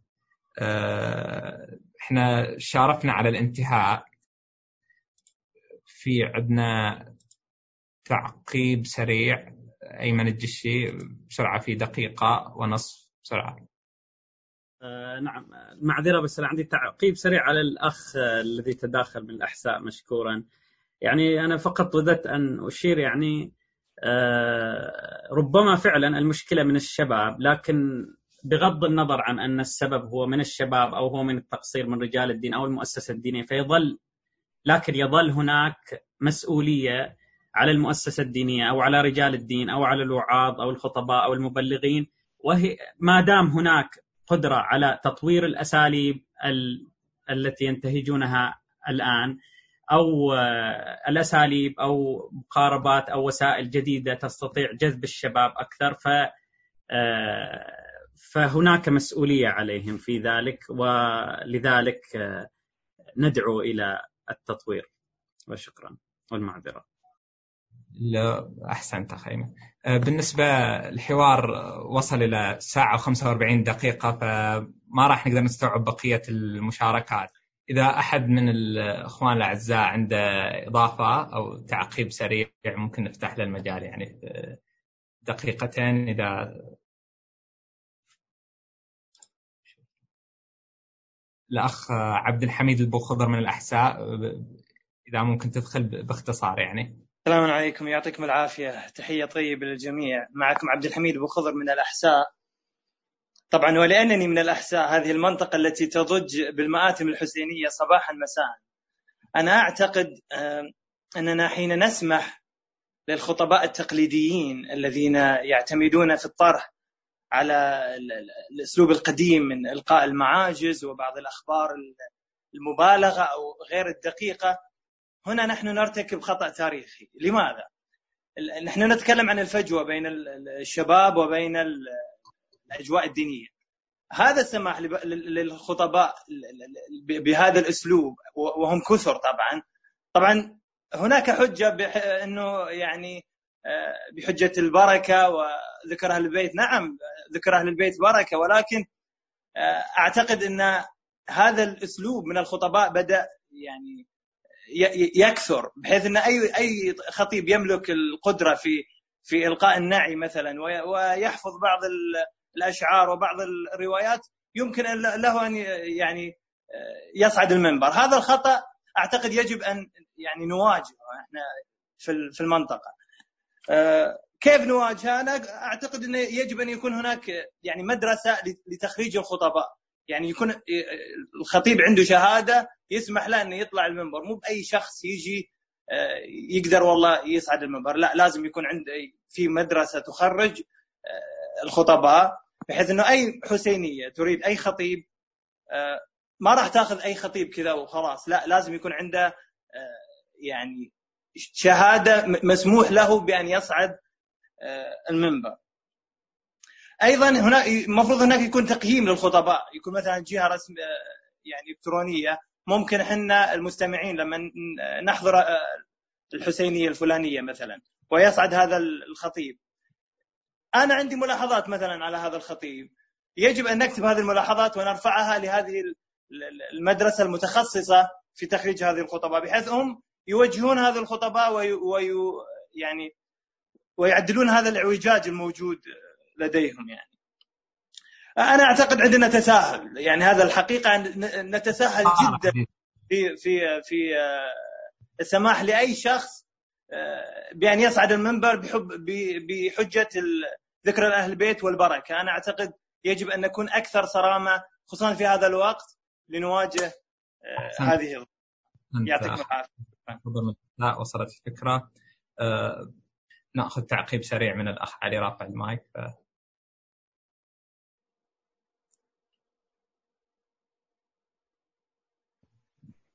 أنا تعليقي سريع على كلام الأخ الأستاذ طاهر عباس من ذكرني بكلمة إلى نوم البروفيسور نوم تشومسكي بأن الشباب الآن لا يستطيع أن يتقبل مقالة مثلا تتجاوز ال 240 حرف كما في تويتر مثلا.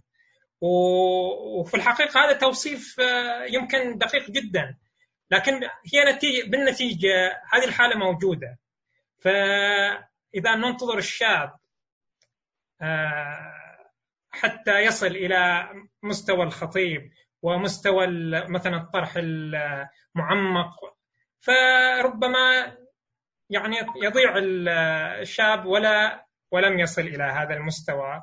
فمن الضروري أن الخطباء والعلماء والحوزة هم اللي يسعوا إلى هذه النتيجة عليهم هم آه، فروض أيضا يعني وهم أعلم بفروضها فروضهم. شكرا. آه، أحسنت أخ علي. آه، قبل الختام الكلمة لكم. تفضلوا بسم الله الرحمن الرحيم والصلاة والسلام على أشرف الأنبياء والمرسلين محمد وآله الطيبين الطاهرين.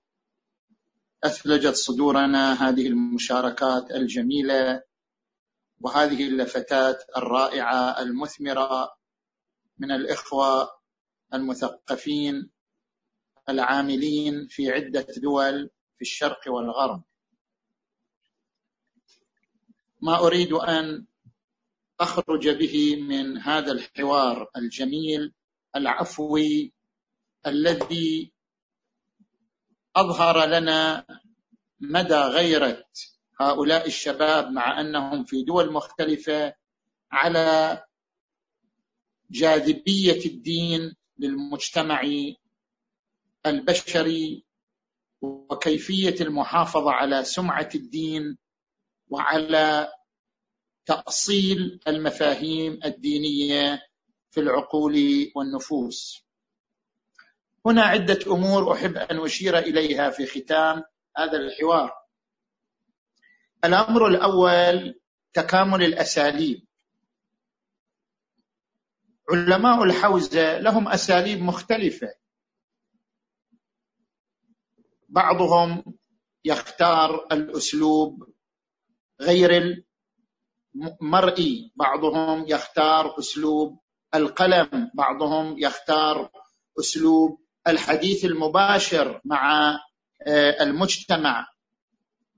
علماء الحوزة كل له رؤيته كل له وجهة نظره في تحديد الأسلوب الذي يثمر وينتج وينسجم أيضا مع شخصيته وظروفه.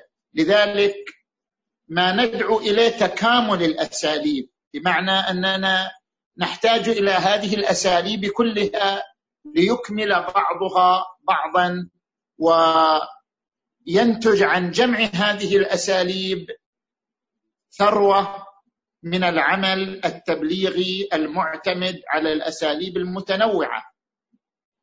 الأمر الثاني حصل نوع من آه، الرأي والرأي الآخر بين الأخ مهدي العبكري وبين الأخ علي الفضلي آه، بين في مسألة تنوع الخطباء. لا إشكال لأننا نحتاج إلى تنوع الخطباء. الخطيب التقليدي الذي يركز على النعي والتاريخ نحتاج إليه. يبقى المجتمع بحاجة إلى أن يسمع التاريخ بحاجة إلى أن يتفاعل مع النعي بحاجة إلى أن آه، ينصهر عاطفيا مع أجواء أهل البيت عليهم السلام. نحتاج إلى الخطيب الذي يتحدث بلغة حوزوية ويطرح البحوث الحوزوية. ذكرت في الأمر الأول أننا نحتاج إلى تكامل الأساليب. أساليب علماء الحوزة. بمختلف رؤاهم ونظرياتهم. الأمر الثاني نحتاج إلى تنوع الخطباء والمنابر من حيث أساليبها وعطائها بين المنبر التقليدي وبين المنبر مثلا آه الذي يركز على القضايا التاريخية، المنبر الذي يركز على البحوث الحوزوية، المنبر الذي يركز على اللغة الأكاديمية. الأمر الثالث الذي أريد أن أستفيده من هذه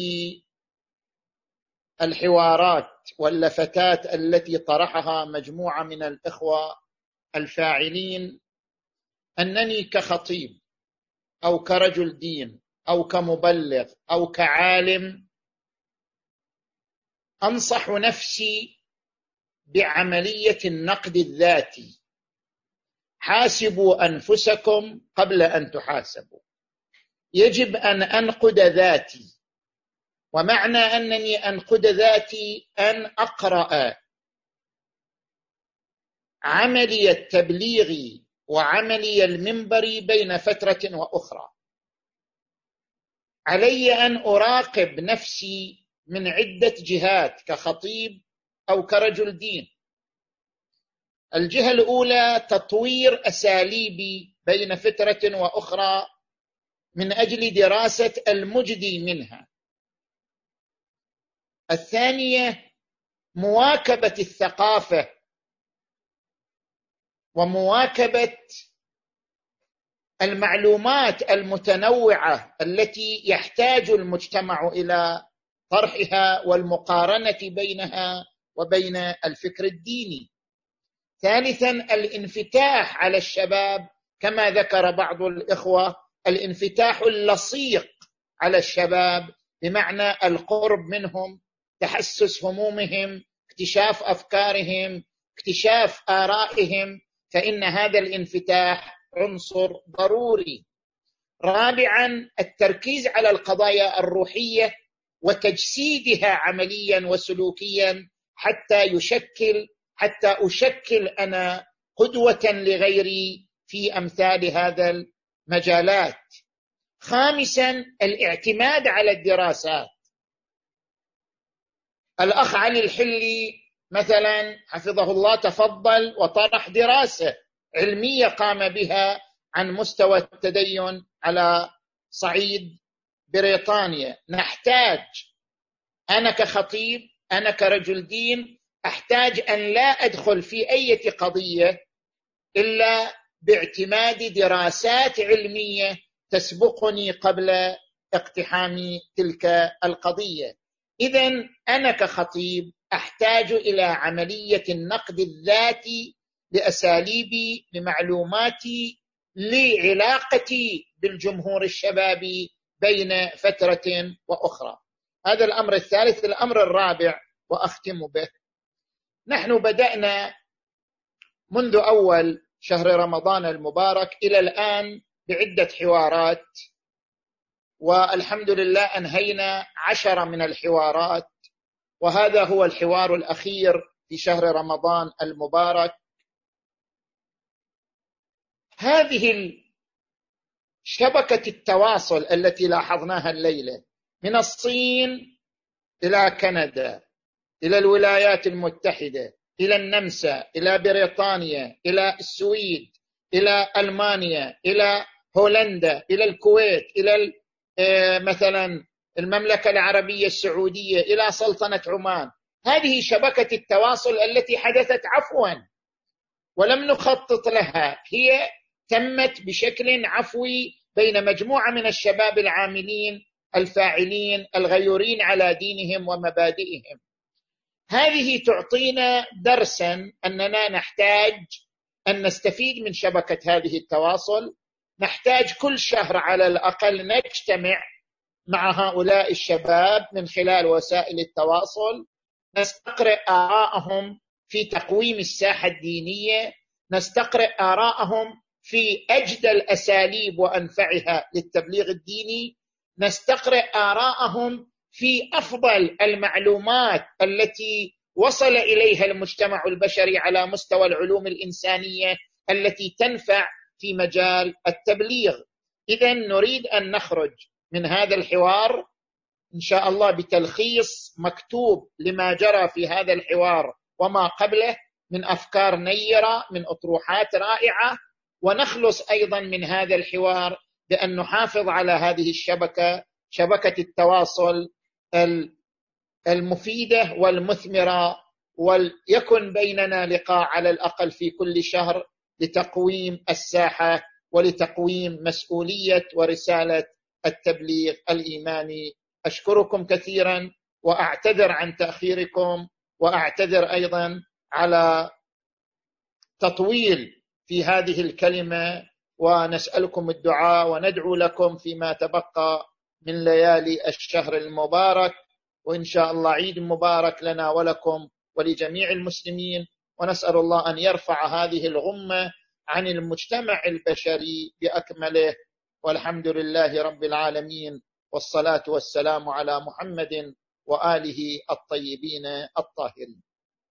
شكرا سماحة السيد على هذه الكلمة.